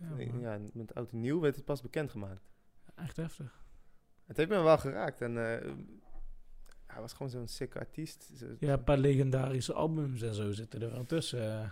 Hij heeft een album met Madlib en eh, die is gewoon... Weet je ook weer? Matt Villainy. Matt- ja, Villainy. Echt insane. Hey. ik- het is gewoon een masterpiece. Ja, het is echt insane. ja, het is echt... ja, sad. Sad to see them, do- see them go, man. God damn. Ik vind het ook zo'n tof icoon, hè, MF Doom. Doom, eigenlijk. Dat hij gewoon altijd een masker draagt. Wow, wacht. Ik kom ineens op, in- tot een verband met wat we, waar we het net over hadden, toch? Ja. Over die pijn en zo. Mhm. MF Doom zat vroeger in KMD, groep. Ja. Samen met zijn broer, broers, weet ik even niet meer precies. Maar toen was hij eigenlijk gewoon nog eh, ja, een vrolijke begin hip-hop-achtig artiest, weet je wel. En eh young guy, op een gegeven moment is hij zijn broer dus verloren, die is overleden. En eh, is hij heel erg zich teruggetrokken. Volgens mij is hij daarna nog iemand eh, verloren. Die heel dicht bij hem stond. Misschien zelfs een familielid, weet ik even niet meer precies. Heeft hij zich teruggetrokken en toen kwam een paar... Een tijdje daarna kwam hij helemaal terug als de villain. Met een masker. En niemand heeft hem daarna nog... Bijna niemand heeft echt meer zonder het masker gezien. Holy shit, man. Dat Ja. wist ik helemaal niet. Ja, dat vind ik zo'n intrigerend verhaal. Heftig, man. Alleen het is helemaal niet een, een, eh, een, een guy met wrok of zo, vind ik. Zo komt hij niet over in zijn, in zijn muziek. Hij is vooral een... eh, heeft hij gewoon komt- een persona Een heel zachtaardige guy eigenlijk, maar die zich wel neerzet als de supervillain. Want die rapt is ook echt niet altijd aardig en zo, maar... Hij was gewoon een aardige guy, man. Hij had dus de sixte rijmschema's ook gewoon. Ja. Gewoon super speels. Ja, ja, ja. met, met, de, de, met het medium wat hij deed. Ja, zeker. Zeker, man. En eh, ja, luister, gewoon super heftig. Super heftig dat we zulke mensen dan verliezen onderweg, weet je. En dan... eh, ik denk heel vaak bij mezelf, als er iemand overlijdt waar ik heel erg van muziek hou of van werk hou... Ik denk altijd aan wat dat kunnen zijn, zeg maar. Wat ook had gecreëerd kunnen worden. Dat klinkt misschien Mm. heel kut, hoor. Maar dat is wel altijd wat ik denk van... Shit, man, ik had nog een album willen zien. Weet je wel? Van deze guy. Of een... Ik had nog een... Je weet toch? Nog één Ja. last. Ja, ja, ja daar had ik bij, bij Doom wel, eh, eigenlijk geloof wel willen meemaken. Maar je weet nooit, hè. Misschien komt er nog een Zo'n release. last eh, tapes ergens of zo. Vast, vast wel. Vast wel toch. Zo'n guy moet genoeg getaped hebben in zijn leven, Ja, toch? Dat dan gewoon Ja. nog ergens gedropt wordt. Bij welke artiest zou jij eh, een traantje wegpinken als die, weg, zou- als die zou gaan? Ik, ik, Even met, eh, met, met in mijn achterhoofd dat wij gewoon superveel hip-hop classics kennen. En Nou ja, ik hou van heel veel verschillende soorten hip-hop, weet je. En eh van heel veel verschillende muziek, al, al in eerste instantie natuurlijk. Maar ik heb echt een, eh, een bepaalde connectie met gangsterrap, weet je. En dat komt gewoon door de tijd waarin ik geboren ben, de situatie waarin ik geboren ben, Ja. en hoe ik me gevoeld heb altijd tussen alle mensen, en hoe ik me ook met mijn kleur heb gevoeld. Dat paste gewoon bij mij, zeg maar, die muziek. Daar kon je mee eh, identificeren of zo, voor je gevoel. Ja, zeker. En toen Nate doodging, toen Nate Dogg stierf, toen was ik gewoon ook klaar. Toen was het ook echt gewoon zo van, waar gaat, dit is mijn, dit is mijn, dit is mijn muziek. Dit ben ik, Mm. weet je wel. Dat Ja, vond ik echt, heel hè? heftig. Is- vond ik echt heel heftig. Ja, vond ik echt heftig. Dat is best gek, want het is gewoon een artiest. Ja, Ik- geen connectie mee, ken gek. ik niet, Het- is, geen, het is niemand van mij, maar... Het was dus wel een stukje van jou. eh, Eigenlijk, zeker, dat denk ik zeker, dan. Zeker. En ik heb ook een Marty, eh. Tyrone, Tyrone Hübner. Eh, same, same story. Die was in Spanje op dat moment. En wij zaten gewoon te appen. We waren gewoon kapot, weet je. was gewoon een gangster guy, weet je. We waren gewoon, ik weet zeker dat hij gejankt heeft. Dat weet ik zeker. Gewoon, Ja, het is gewoon ja. pittig soms. Van die mensen die je dan echt Zo. adoort. Ja, man. En van welke artiest die, die gewoon nog wel leeft? Oh, Zou jij echt nog een, een traantje pinken? zo. Vind ik moeilijk, man. Want op het moment, de laatste jaren luister ik over het algemeen allemaal overleden artiesten. Luister Oeh. ik jazz, blues, eh, Ah, ja. veel country ook, vind ik mooi, weet je. Gewoon veel, gewoon, ik gooi het in de mix, weet Ik je. weet het nog, toen laatst. Toen, eh, toen we die gig hadden, toch? In Eindhoven. Maar CBR? ja, man. ja, man. Ja, man. Toen in de weg terug in de auto. Je had zo'n goede muziek aan ja. Nee, maar oké, eh, luister, alle, alle mensen waar ik mee op ben gegroeid, weet je. Ik, eh, als, als een Snoep dadelijk dood is, dan snap ik het ook niet meer. Want die is er heel mijn leven, zijn muziek. Precies, Als, eh, hij is er toch wel. kijk, 50 is niet mijn grootste eh, guy waar ik van hield van de muziek. Oeh, zou me wel raken, hoor. Maar ik zou het wel echt, dat is gewoon, dat, dat zijn mijn eerste hip-hop albums. Snoop 50. Ah, Weet je, dat zijn die zeker wel. boys. Ik, ik, ik snap gewoon niet meer wat het leven is. Weet je wel, omdat er gewoon, die zijn er altijd geweest. Dus gewoon, Ja, ja, ja, je bent even confused. toch, je wordt gewoon even gehit. Wow. Ja, man. Maar ik vraag me af, heb jij een moment gehad waarop je dacht, echt een, een, een, een dal moment, waarop je dacht van, ja, nou hoeft het niet meer hoor. Het is nu, dus, ik heb te veel op mijn bord. Te veel op mijn emmer. Ik heb hier helemaal geen zin meer in. En wat hoeft dan niet meer? Uh, whatever, de- de- eh, gewoon, je bent klaar met al- de situatie. Je wil gewoon een weg uit. Je, bent je hebt geen zin meer om, om, om Ja, precies. Het gevoel dat je weg wil zakken van waar je even bent. Op dat Ja, moment. ja, ja. Of gewoon, Ja. en dan wel echt een, niet, eh, je broek zakt af voor een publiek en je zakt weg, maar echt, life is, is so much. Je hebt echt even zoiets Ja. van, jongen, de wereld, tief maar op, weet je wel. Ja, ik heb wel een tijdje te veel hoor je me voor ge- genomen, denk ik. Of in ieder geval... Ja, echt wel onderweg naar het... eh, mijn doel om bijvoorbeeld ehm, te kunnen leven van mijn eh, kunst. onderweg daar naartoe, toen het me nog net niet was gelukt. Toen het, nog, toen het bijna aan het lukken was, maar het nog niet zeker was van... Ga ik het halen of ga ik het niet Ja. halen? Een paar jaar geleden eigenlijk maar, man. En eh, toen... Ja, dat is gewoon zo'n onzekere periode. Je wil gewoon... eh, je wil je toch kunnen meten aan resultaten vaak, toch? Ja. Je wil je gewoon me- meten van... Als bevestiging dat het aan het lukken is. Alleen, ik wist gewoon... Ik ga daar naartoe. Er wordt het... Dit, dit, hier ga ik gewoon naartoe. Ik wist het wel. Maar ja, er zijn wel momenten dat je gaat twijfelen. En dat was inderdaad eh, toen ik er bijna was. En, maar iets in mij heeft altijd wel gestreden, hoor. Dat wel, echt. Het is niet zo van, het hoeft niet meer. Maar het was te veel. Ik had toen ook zo'n... Ik ging ook toen pas mezelf op laten leiden als barber. Toen ik, eh, en, ik, en ik was aan het afstuderen van mijn kunstacademie. En eh, ik woonde anti-kraken, moest ik ineens uit. Allemaal tegelijkertijd. En dat was wel even, wist ik niet hoe ik daar mee om moest gaan inderdaad. En heeft wel even doorgecijpeld, een paar maanden denk Ja. ik. Was het even vrij donker, maar... Ja, iets in mij heeft altijd gestreden, denk ik, man. Een soort drive. Hoe heb je dan op dat punt, zeg maar, door die twijfels heen geprikt? Heb je gewoon, wat heb je gedaan, man? Hoe, dat moment dat je denkt van donkere tijd, ik weet het niet, ik, ik- maar je zegt, ik ben toch gegaan. Ja, gewoon echt een nu of nooit mentaliteit, denk ik, man. En gewoon nu of nooit. Ik heb een tussenjaar genomen trouwens, voordat ik ging afstuderen. Iets wat ik iedereen zou aanraden, man. Ja. Het is jouw leven, jouw keuzes, jouw geld. was een sacrifice, maar ja, iets meer scheelde dan, ja. Ja, er kwam heel veel rust toen ik dat deed trouwens, man. Tussenjaartje. En ehm, kijk, het klinkt ook eigenlijk is het gewoon, als ik er zo aan terugdenk, ik wilde gewoon mezelf ontwikkelen en moest afstuderen en moest mezelf bewijzen dat ik eh, heus barber kon worden. Om daarbij eh, te kunnen leven van hopelijk allebei, weet je wel. Want ik doe het toch allebei wel, Ja. ook al krijg ik er geen geld voor. En daar zat voor mij de kern van. Ik doe het toch wel, ook al krijg ik er niet betaald voor. Ja. Ja, dan is het toch wel, dan krijg je het toch wel heel moeilijk als je daarnaast nog ander werk moet doen. Ja, ja, ja, ja. ja, Dus het is denk ik ook angst, twijfel geweest van, oh ja, als ik het niet, als ik er niet mijn werk van maak, van mijn passie, dan wordt het wel een heel moeilijk leven. Dan krijg ik een heel druk leven, want dan moet ik dus in mijn vrije tijd twee passies gehoor geven. Mm, dus ik dacht, nu of nooit, mm, zorgen dat die twee passies je werk worden. mm, Ik denk dat het gewoon echt eh kopstoot is geweest, ja. ja. ik was al aan het vallen, Oh shit. ik was al aan het vallen, maar ik dacht, dan ga ik dan, dan ga ik die muur maar kapot maken met mijn hoofd. Ja, ja. Dan, dan ga ik ook vol erin gewoon. Dan ook gewoon head first. Ja, misschien wel zo, ja. ja. Lijp. Lijp. Misschien wel Ik zo. vind, ik vind het wel grappig, omdat je hebt een beetje...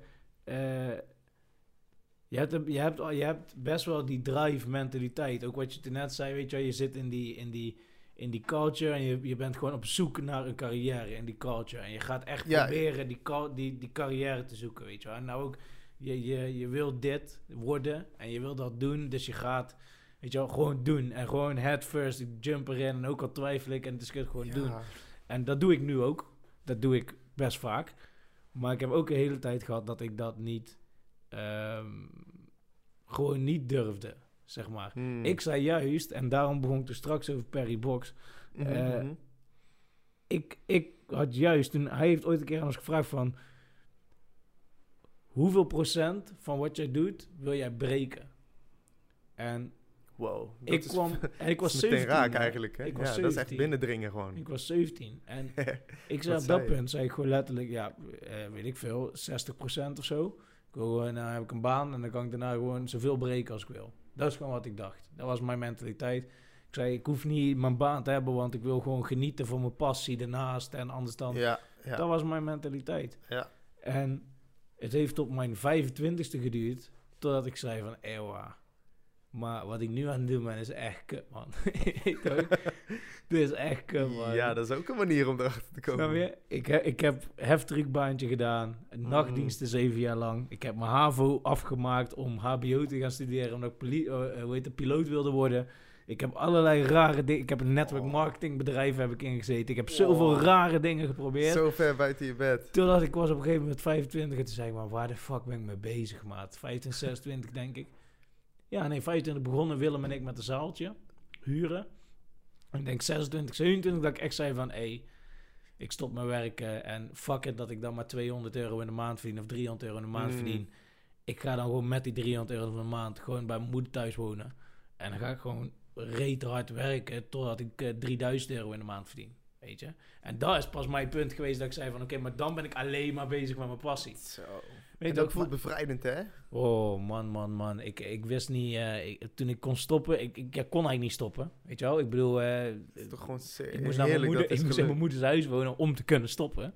Ah. maar- Dat maakt niet uit.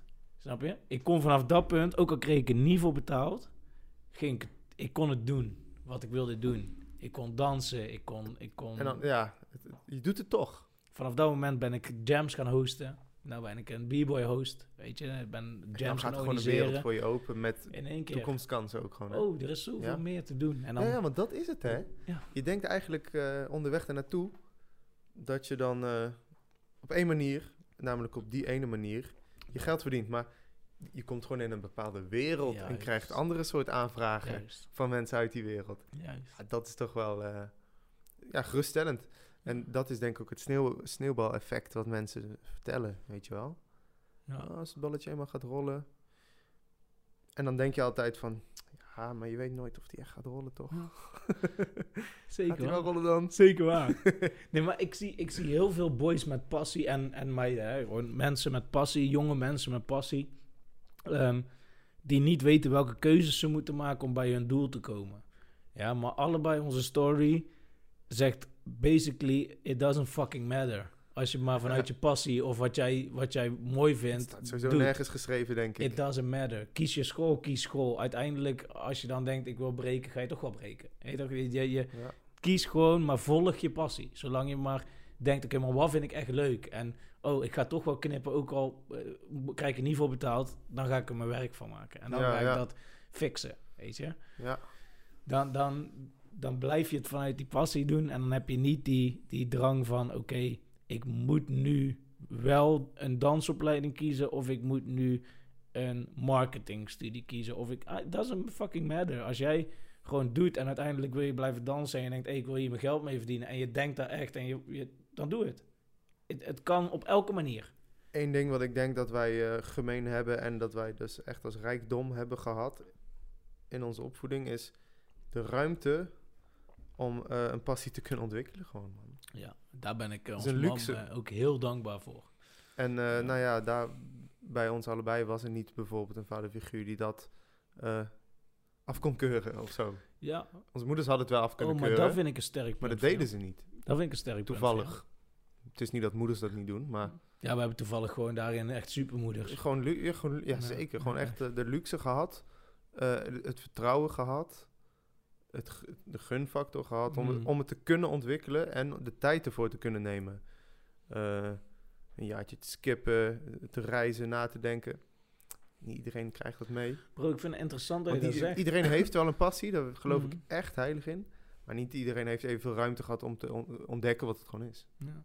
Ik vind het zo interessant dat je dat zegt, want ik heb daar nooit over nagedacht. Omdat ik heb altijd gedacht van, ik wil mijn vader in mijn leven, weet je wel, eigenlijk, maar ik ben boos op hem.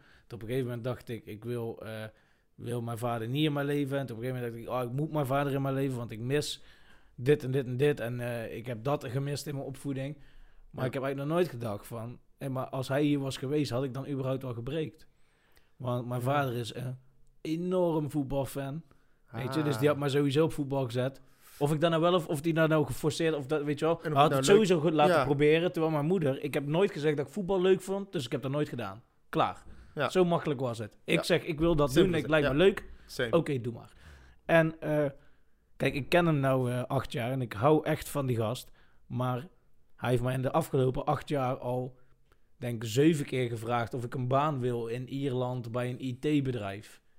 En dat is niet dat Ja. hij mij dan niet stimuleert, weet je wel. Nee, hij wil gewoon iets doen Maar- voor je. Stiekem probeert hij wel te zeggen van, hé, eh, misschien kun je beter een baan pakken waar je gewoon geld mee verdient, Ja, dan wil- deze struggle waar je doorgaat. Hij wil een stukje geven van wat hij, wat hij kent. Wat hij Ja. heeft ontdekt op deze wereld misschien wel, toch?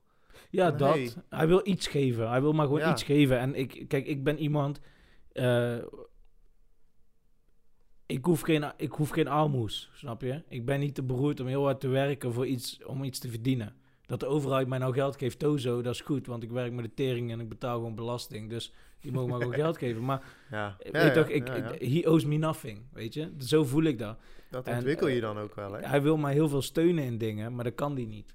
En dan, dan is het zo van, oké, maar ik zie dat het niet zo goed is en dat je het zwaar hebt. En ik maar, Op een gegeven moment wil je het niet eens. Want je bent alleen maar gewend hetzelfde te fixen. En dat geeft voldoening. maar ik vind dat dus mooi dat je dat zegt, dat ik Mm. een heel ander persoon was geweest.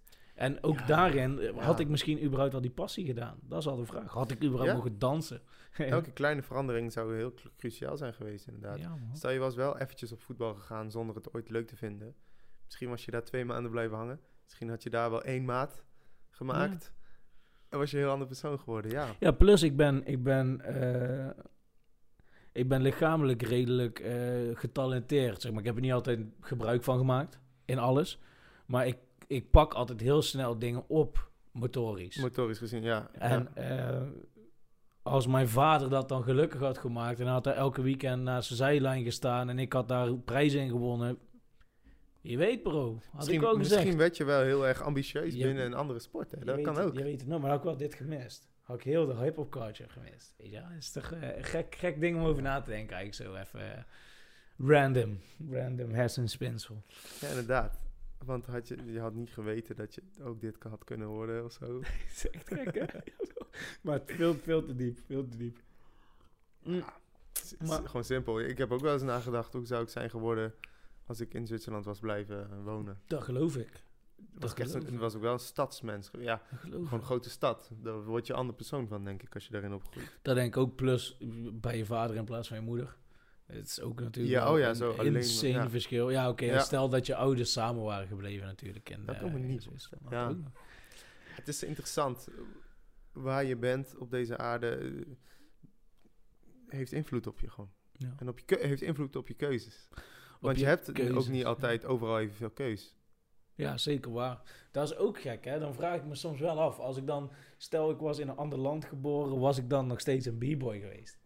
Weet je, is daar iets wat is mij wel leuk om aangetrokken over na te denken. Ja, want ik denk soms wel van, ja, ik heb wel aan de andere kant ook gewoon, denk wel, 15 sporten geprobeerd. Kijk, mijn moeder had nooit geld. Mijn moeder, eh, uitkering, twee kinderen, één Ja. happening, snap je? Ja. Maar in dat bos hebben we, nu heet dat sportief. Maar dat was vroeger altijd sportstimulering, heette dat gewoon. Daar, als je een aanbieder bent, dan moet je nog steeds naar sportstimulering.nl om Mm. aan te bieden. Oké, oké. Maar ik wist dat toen niet.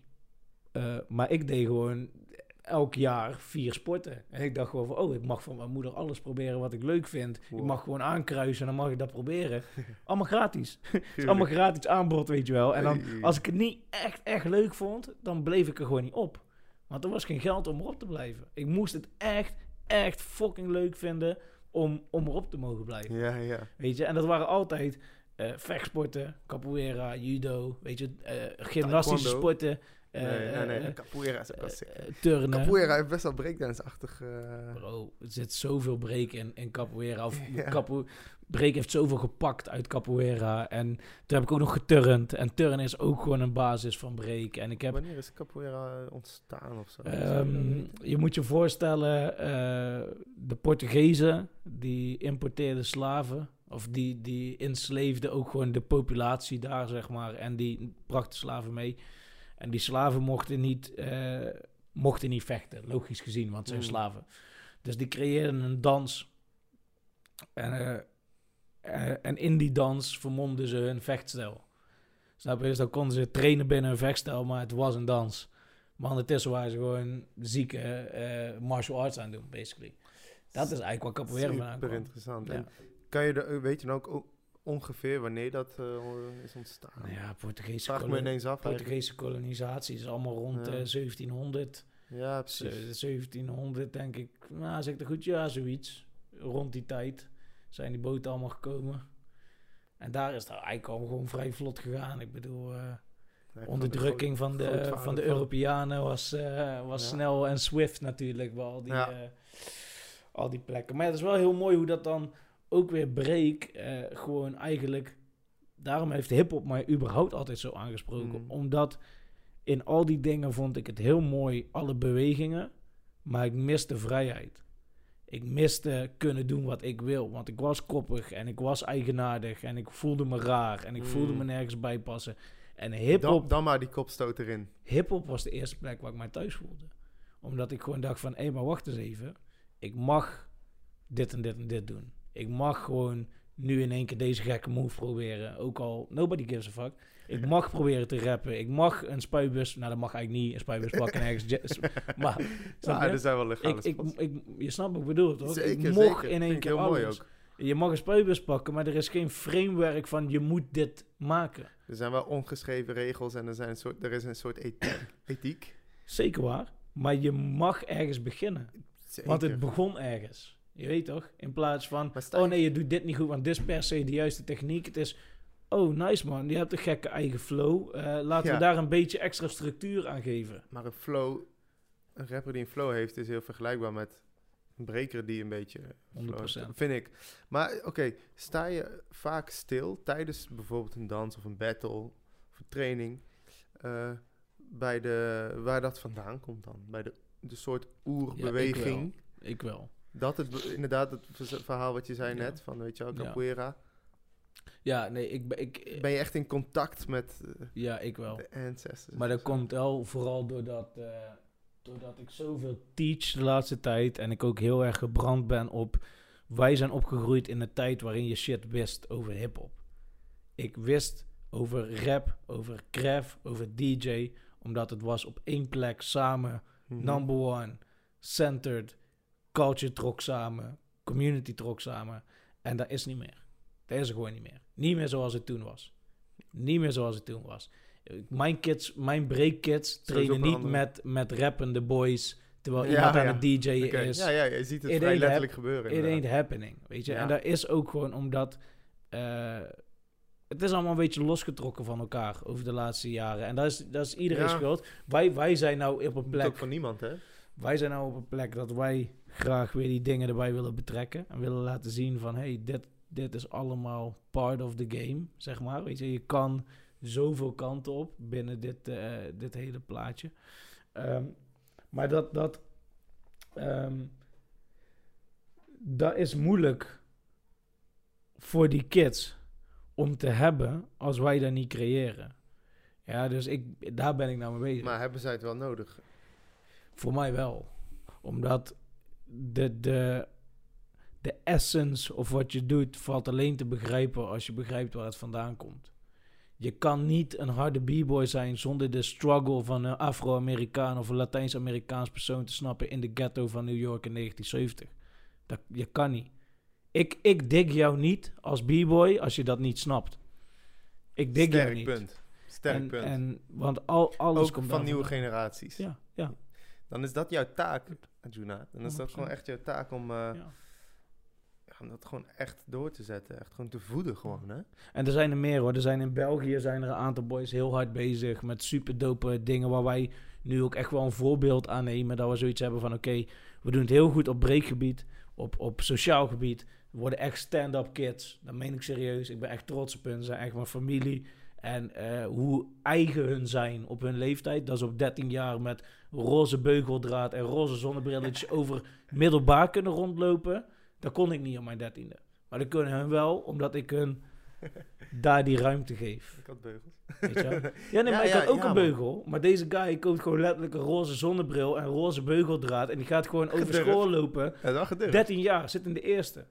Ja, Bro, ik was zo niet. dat is, ja, tof, man. Tof. En dat is omdat we die ruimte creëren, maar de cultural background, de history, eh, dat is echt iets, de, de, de samenkomst van elementen, van iedereen mag doen wat hij wil, Dus Die vrijheid die jij toen op een gegeven moment ook voor het eerst voelde, hè? De- primal Die- feeling van ja, I gotta be my own man en Ja. my own creativity en ik mag doen wat ik wil en ik Ja. mag dat creëren, dat, dat moet af en toe, moeten we een st- step up our game. dat is gewoon de eh, kern. Dat moet iedereen eh, snappen of zo. Ja, Ja, daar moeten we even nog een stapje in maken. Dat merk ik de laatste tijd. Maar dat gaan we doen. 100% man. super mooi dat je dat sowieso de noodzaak voelt om, eh, om dat zo over te dragen, man. Ja, zo 100% man. Ik, eh, en, en dat is helemaal niet zeggen dat ik rap van tegenwoordig niet nice vind of zo. Het is niet mijn favoriete muzieksoort, maar ehm, daar heb ik ook niks tegen. Het is, het is, Het heeft er inderdaad niet meer zoveel mee te maken. nee, en mensen haten daar altijd op, maar ik heb zoiets van bro, uiteindelijk mensen haten ja. ook op mijn hip-hop die ik luisterde. I don't care. Als mensen er gelukkig voor worden, vind ik goed, maar mijn probleem is de community feeling. De respect voor waar het vandaan komt. Oh, maar, oh dit is knowledge. een probleem voor je. Het is geen probleem. Het is een, ehm, het is een situatie die eh, door mensen aangepakt moet worden. En dat is niet per se een probleem aan zich, maar want als het blijft, dan is het zo. En Punt mensen die real zijn, zijn real. Ehm, maar de wereld zou een betere plek zijn als meer mensen dit zouden begrijpen. De wereld zou een betere plek zijn als mensen begrijpen dat in de ghetto 1970 gangoorlog mensen peaceful met elkaar een jam konden hebben op een Mm. blok en met elkaar hun beef konden uiten in rap en break en whatever. En ik zeg niet dat het perfect was. En tuurlijk waren er gang violence en al die shit was er. Maar dat zoiets gecreëerd kan worden in een, in een midden van basically een civil war. Ja, want uitgebrande auto's en mensen die gepopt worden op je blok is voor mij gewoon oorlog. Eh, Ja. Is magic. En kan heel veel doen voor ook de Ja. wereld die nu fucked up is. Ik denk wel hoe langer het geleden is, en het is steeds langer geleden, Mm. hoe moeilijker het misschien is om je daarmee verbonden te voelen. Maar het moet, mag zeker wel benoemd worden, zeker ja. En eh, ik snap wel heel goed wat je zegt, van dat je andere b-boys niet of minder serieus neemt als zij, eh, ja, als, Ik zij dat niet het. hebben Het doorstaan. probleem is, ik zie het het. niet weten misschien. Ik zie het aan je. ja, dat ja, is het je probleem. het gewoon zelfs aan. Dat is het probleem. Het is niet dat ik Ja. jou niet dik omdat je het niet weet. Ik dik jou niet omdat ik gewoon zie dat je het niet weet. Ik dik jouw precies. En dat is stilo dan niet gewoon- omdat ik het zie. En dat is dan gewoon puur Ja. jouw mening Ja. over die andere. ik, no offense tegen jou. Je bent Ja, een precies. hoog niveau. Ik respecteer jouw movements. Maar ik word niet warm van wat jij doet. Omdat ik de... Ik zie het gewoon. Peace, recognize peace. Ik zie nee, ik, zie verzin deze te plekken. Nee, maar ja, Ja, ik- man. su- super tof dat je, dat, eh, dat je er echt zo mee bezig bent. Dat je daar Ja. zo... eh, Ja, en dat is ook tof dat ik nu in een situatie zit waarin ik juist heel veel host voor kids. eh dingen organiseer voor kids. Want het is niet alleen voor mijn eigen dansschool. natuurlijk. Ik doe heel veel kids battles. Ik kan het preachen, weet je, naar die jonge generatie. En dat zijn dan battles die, bijvoorbeeld de NBL is tien keer per jaar. En ik sta daar gewoon bijna tien keer per jaar sta ik daar te hosten. Oh, nu niet. Het is corona. Het is nu niks. nee, precies. maar Maar, tien zij- keer per jaar kan ik eh, de story vertellen. Tien keer per jaar kan ik zeggen, hé, hey, onthoud hè. Juist, je, hebt, ja, je krijgt heel veel dit. kansen om dat eh, te Ga doen. eens even allemaal Maar zitten. mensen nemen je ook wel goed serieus. Dat vind ik wel tof. Ik vind dat ook wel heel Jij fijn. dwingt het gewoon een beetje af, allemaal. Ja, en het is niet dat ik per se vind dat ik zo'n geweldige mening heb dat iedereen moet luisteren of zo. Maar ehm, de feiten die ik vertel, Je straalt het gewoon uit, man. Dat die zijn het gewoon. Ja, En precies. die moeten mensen gewoon weten. En of je dat dan wel of niet wil horen, I don't really care. En dat is wel de stappen die ik gemaakt heb van ik was al heel onzeker in de jeugd. Naar I don't really care anymore, man. En het steeds eh, harder willen spelen wanneer je op dat podium staat. Ja. dat ontwikkelt. Je wordt Ja. beter, je wordt zekerder. Ja.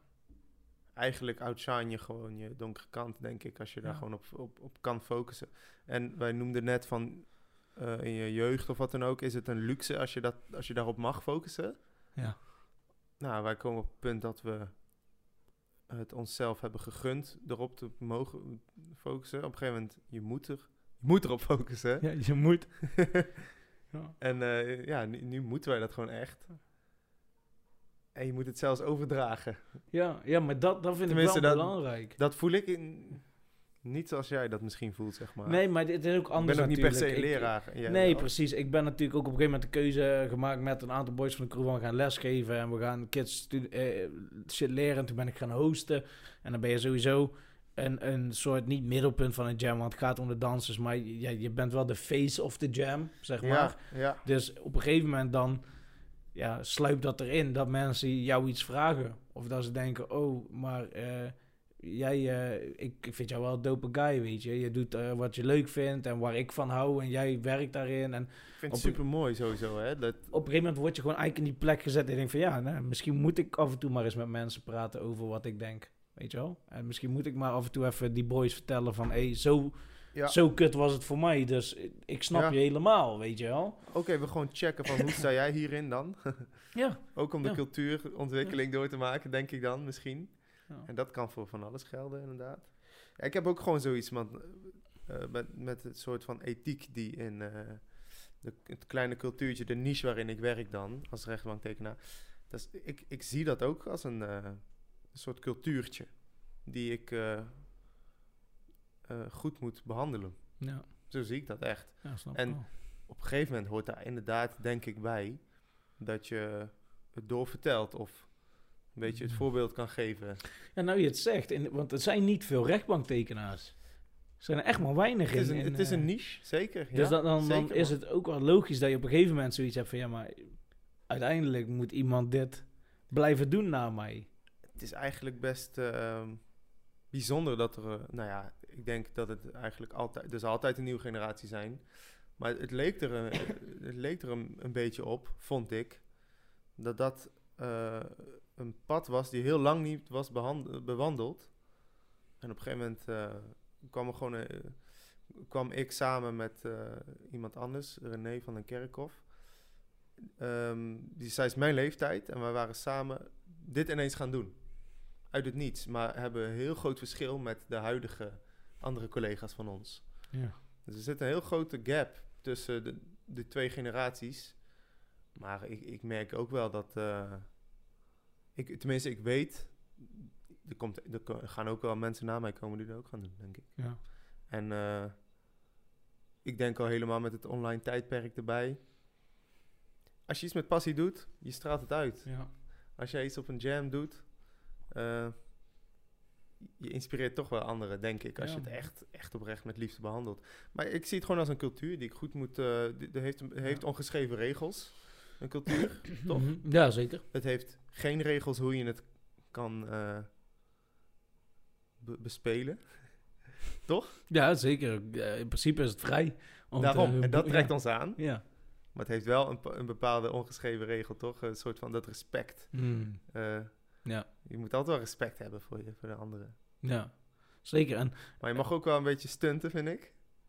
tuurlijk, je, luister, iedereen leeft. En je moet af en toe eh, doe je gekke dingen in je leven. Iedereen is jong en iedereen doet gek, weet je. Dat hoort erbij. Maar de respect hoort altijd daar te zijn. Toch? Uiteindelijk moet je altijd recognize this people went before me, weet je wel. Ze hebben iets... ge- de- Ja. Anders was ik hier niet. Zo heb ik het altijd wel gezien. Toch? Zeker wel. Ja, man. Ja, man. En in die, die, die tijd dat je zeg maar eh, ehm, nou, nou rechtbanktekenaar bent geworden, is er dan ook echt iemand die jou ehm, een beetje geïnspireerd heeft daarin? En die jou daarin in geleid heeft of, of in geholpen heeft of een soort mentorship daarin heeft eh, gegeven? Ja, zeker. Ja. Die heb ik eh, ja, wel echt zelf ah, heel actief opgezocht. Oké. Dus op een gegeven moment ik dacht ik gewoon van... Ja, ik, ik weet zo erg... Ik weet zo zeker dat ik dit wi- wil. Maar ik, ik heb het eigenlijk nog nooit gedaan. Ja, ja. Dus dan ben ik gewoon echt gaan opzoeken. Wie, wie doen dit? Wie, en wie, vind ik ook echt eh, heel goed. En er zijn eigenlijk twee mensen. Alois Oosterwijk en Peter Huiban. En ik heb gewoon eh, onafhankelijk van elkaar heb ik gewoon contact met ze opgezocht. Gewoon gezegd.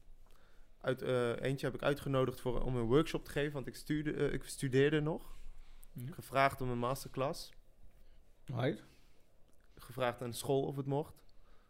Academie bedoel ik. En eh, ja, die zeiden ja, dat mag wel. Ja, hier is budget. Eh, en met, bij de anderen heb ik, eh, mocht ik een dag meelopen. En op die manier zijn ze een beetje voorbeeld geweest. Het is niet een, eh, een proces geweest waarbij ze leren aan waren. Maar ik heb ze tot op de dag van vandaag zie ik ze eigenlijk nog steeds, zie ik ze nog steeds als mijn Ja. voorbeelden. Nice. Of eh, wat, dat is ook wel grappig. Een grappige term is gewoon, eh, dat is toepasbaar ook voor jou denk ik, in, in de cultuur. Je kunt het zien als, alsof het een familie is, een artistieke familie. En eh, daarmee moet je uitgaan van je bent familie, maar die en die, zou dat je, je opa zijn, of zou dat je broer zijn, of zou dat je oom zijn. Ja. Dat is een grappige manier om ernaar naar te kijken of aan Ja. te denken. En ik, ik zeg helemaal niet dat die en die eh, tante is of zo, maar... Nee, ik snap je Het heel goed. Die, die, Het die, is, want ja, eh, je- eh, het is gewoon grappig om die verbondenheid... je zit op een le- bepaald level, zit je gewoon waar andere mensen niet zitten, samen. Ja, Toch? Je, Dat je, is je, die- hebt een, sowieso iets gemeen en dat is de interesse daarvoor. Ja.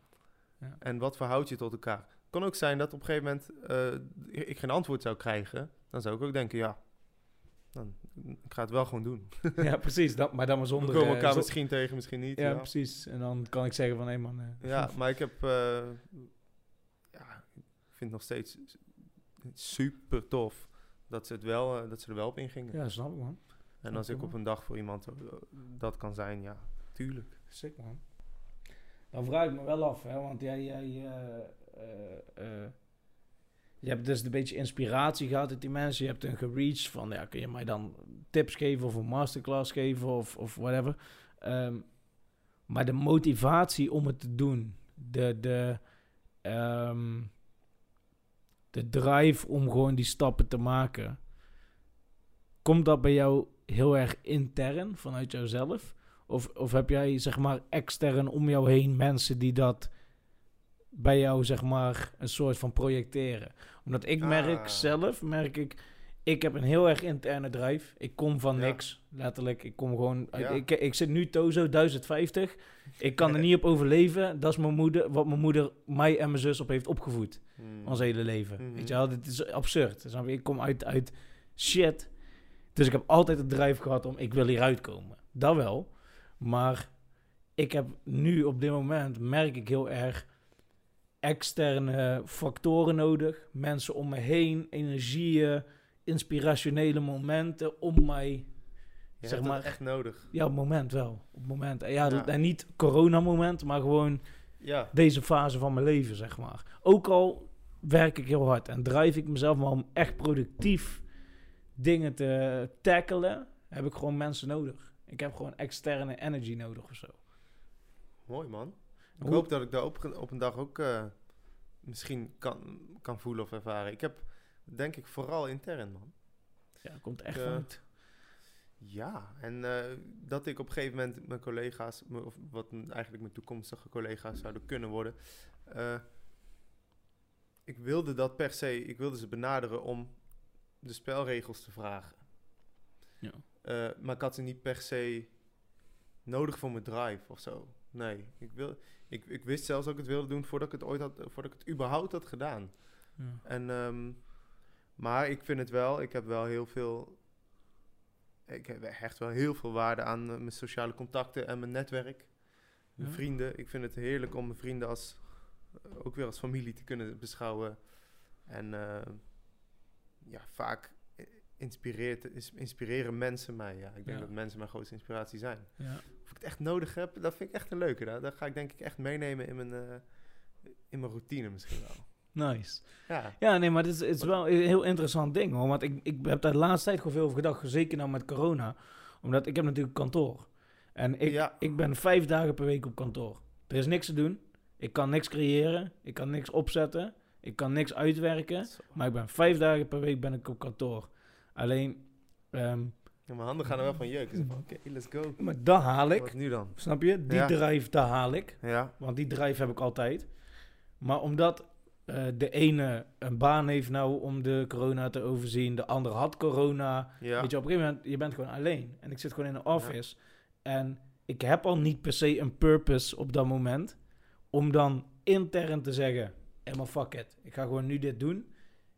Vond ik heel moeilijk. Hmm. Ik heb echt wel mensen om mij heen nodig gehad. Die op een gegeven moment tegen mij zeiden van... Hé hey bro, maar je hebt gewoon microfoons gekocht bro. Je hebt gewoon Big een logo. Waarom de fuck doe je niet je podcast? Weet je wel? Het, Ja. het levert misschien geen geld op. Maar het is at least something you love. Minste wat je kan doen. Ja. Ja. Ja, ik vind het super mooi en ik, ik wil heel graag eh, dat ook ervaren zoals jij dat eh, net omschreef. Vond ik het heel mooi gewoon. Eh, je hebt de mensen, je wil gewoon putten eigenlijk uit de kennis, energie en ervaring van de mensen om je heen. Het is sowieso nieuw omdat het uit, van andere mensen is. Dus waarom zou je Ja. dat niet willen Juist. toepassen? Juist. Misschien is er wel een soort mooi doel voor nu, voor mij dan. Van, ja, ik wil dat ook meer eh, nodig gaan hebben. Ja, ja, precies. Ja, maar dat is denk ik ook de, de omgeving hoor. is ook de omgeving waar ik in zit. Omdat je dan, je bent gewoon gewend. Ik zit op kantoor en de crew Ja. komt langs. En je kan Ja, maar gewoon alles bespreken. Dit en- is dus een voorbeeld, wat we nu vanavond doen, is een voorbeeld van eh, wat een ontwikkeling kan zijn, weet je wel? Kennis delen. Ja, 100% man. En dat is ook waarom ik dit wilde doen met je bro. Unity man. Nog even dikke shout-out trouwens naar je, want je doet niet alleen rechtbanktekeningen. Je maakt ook gewoon mijn logo, bro. Even voor Tuurlijk, de man. duidelijkheid. Deze you. man, hè. Deze man killt hem gewoon. De got Peace by. Peace podcast logo. All made by this guy. Ik vond het super tof dat je dit wilde gaan doen en ik dacht van, eh, ja, ik, ik zou graag een ste- steentje bij kunnen eh, willen dragen. Toch? Ja, man. Maar dat vind ik echt, eh, echt heel dope. Want ik zat dus gewoon thuis en ik had foto's gemaakt met Len, die foto's. En dat was eigenlijk de promo. En toen dacht ik van, ja, maar wacht even, mijn kapper. Huh? Nee, nee, nee. Maar, maar, maar, maar Brada, die toevallig ook mijn haren knipt, die ik nou de laatste tijd weer meer zie, omdat ik mijn haren kom knippen bij jou. Want dat was het, hè. Ik heb je gewoon heel lang niet gezien. En op Totdat ik moment... kapper eh, werd en Ja. dat was een leuke aanleiding om weer regelmatig... Ja, man, je hebt me echt wel een paar keer tussendoor thuis in de tuin ergens een keer geknipt of zo. En dat soort dingetjes, Ja, twee, drie keer. Maar toen je bij Clash begon, was ze van... Oh, bro, Adrie doet nou bij Clash. Daar, heeft- ik, ik ga daar knippen. Je weet toch, is mijn broeder. Ik kan jou nou supporten. I- I'm gonna go. Eh, ja, maar, di- di- Tuurlijk, man. ja, ja, maar dat is wel eigenlijk echt gewoon... eh, Klopt, Oh, zeker. ja. Ja, ja. Ik, ik, vind het ook een prachtige manier om contact te kunnen onderhouden. En eh, ja, het, wordt, het wordt zeer gewaardeerd dat je elke keer dat wil ondergaan, zeg maar. Maar ja, man. Ja, super kicken. Dus ik denk bij mezelf, hé hey, brother, ik stuur hem gewoon een appje. Hij vertelt mij tijdens het knippen allemaal rechtbanktekeningen. Weet je, kijk, ik volg je ondertussen op Instagram en al die shit. En, Sowieso, eh, man. in één keer, ik denk, ik zal het vragen. En ja, je, je, je stuurt dit, man. Dus eh, mensen... Ik zat te kijken hoe kort je haar is op het logo.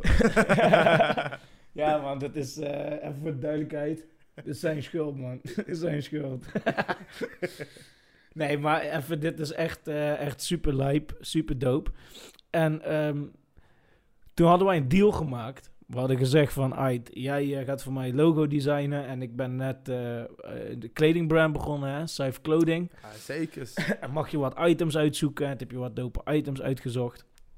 En ehm, Wat Ja, echt een prima deal is, inderdaad. Als, je, als we het dan over elkaar helpen en upliften hebben, ja, toch? Dat sowieso. Maar daarom dacht ik toen bij mezelf van... Hey, we hebben nou een nieuwe herfstcollectie gemaakt door mijn vriendin. Die heeft het design gemaakt. Ehm, en jij bent de legend die mijn podcast eh, mogelijk heeft gemaakt met logo en al. Dus ik, deze is voor jou. Ja, hij is wel een elletje. Ik, volgens mij draag jij een emmetje, eh, als ik het goed zeg. Bro, nu ik dit heb, ga ik het gewoon... eh, Maar ik heb nog gewoon een emmetje, man. Dus ik Nee, kan hem bro, ik, je- ik ga dit gewoon eh, helemaal embracen. Thanks, man. Ik mag je geen box geven, maar die is in ieder geval voor jou. En ehm, ja, weet je, stel nou, ik dacht bij mezelf, ik heb er nog, nog wel een paar, een paar over, niet veel meer, meest uitverkocht.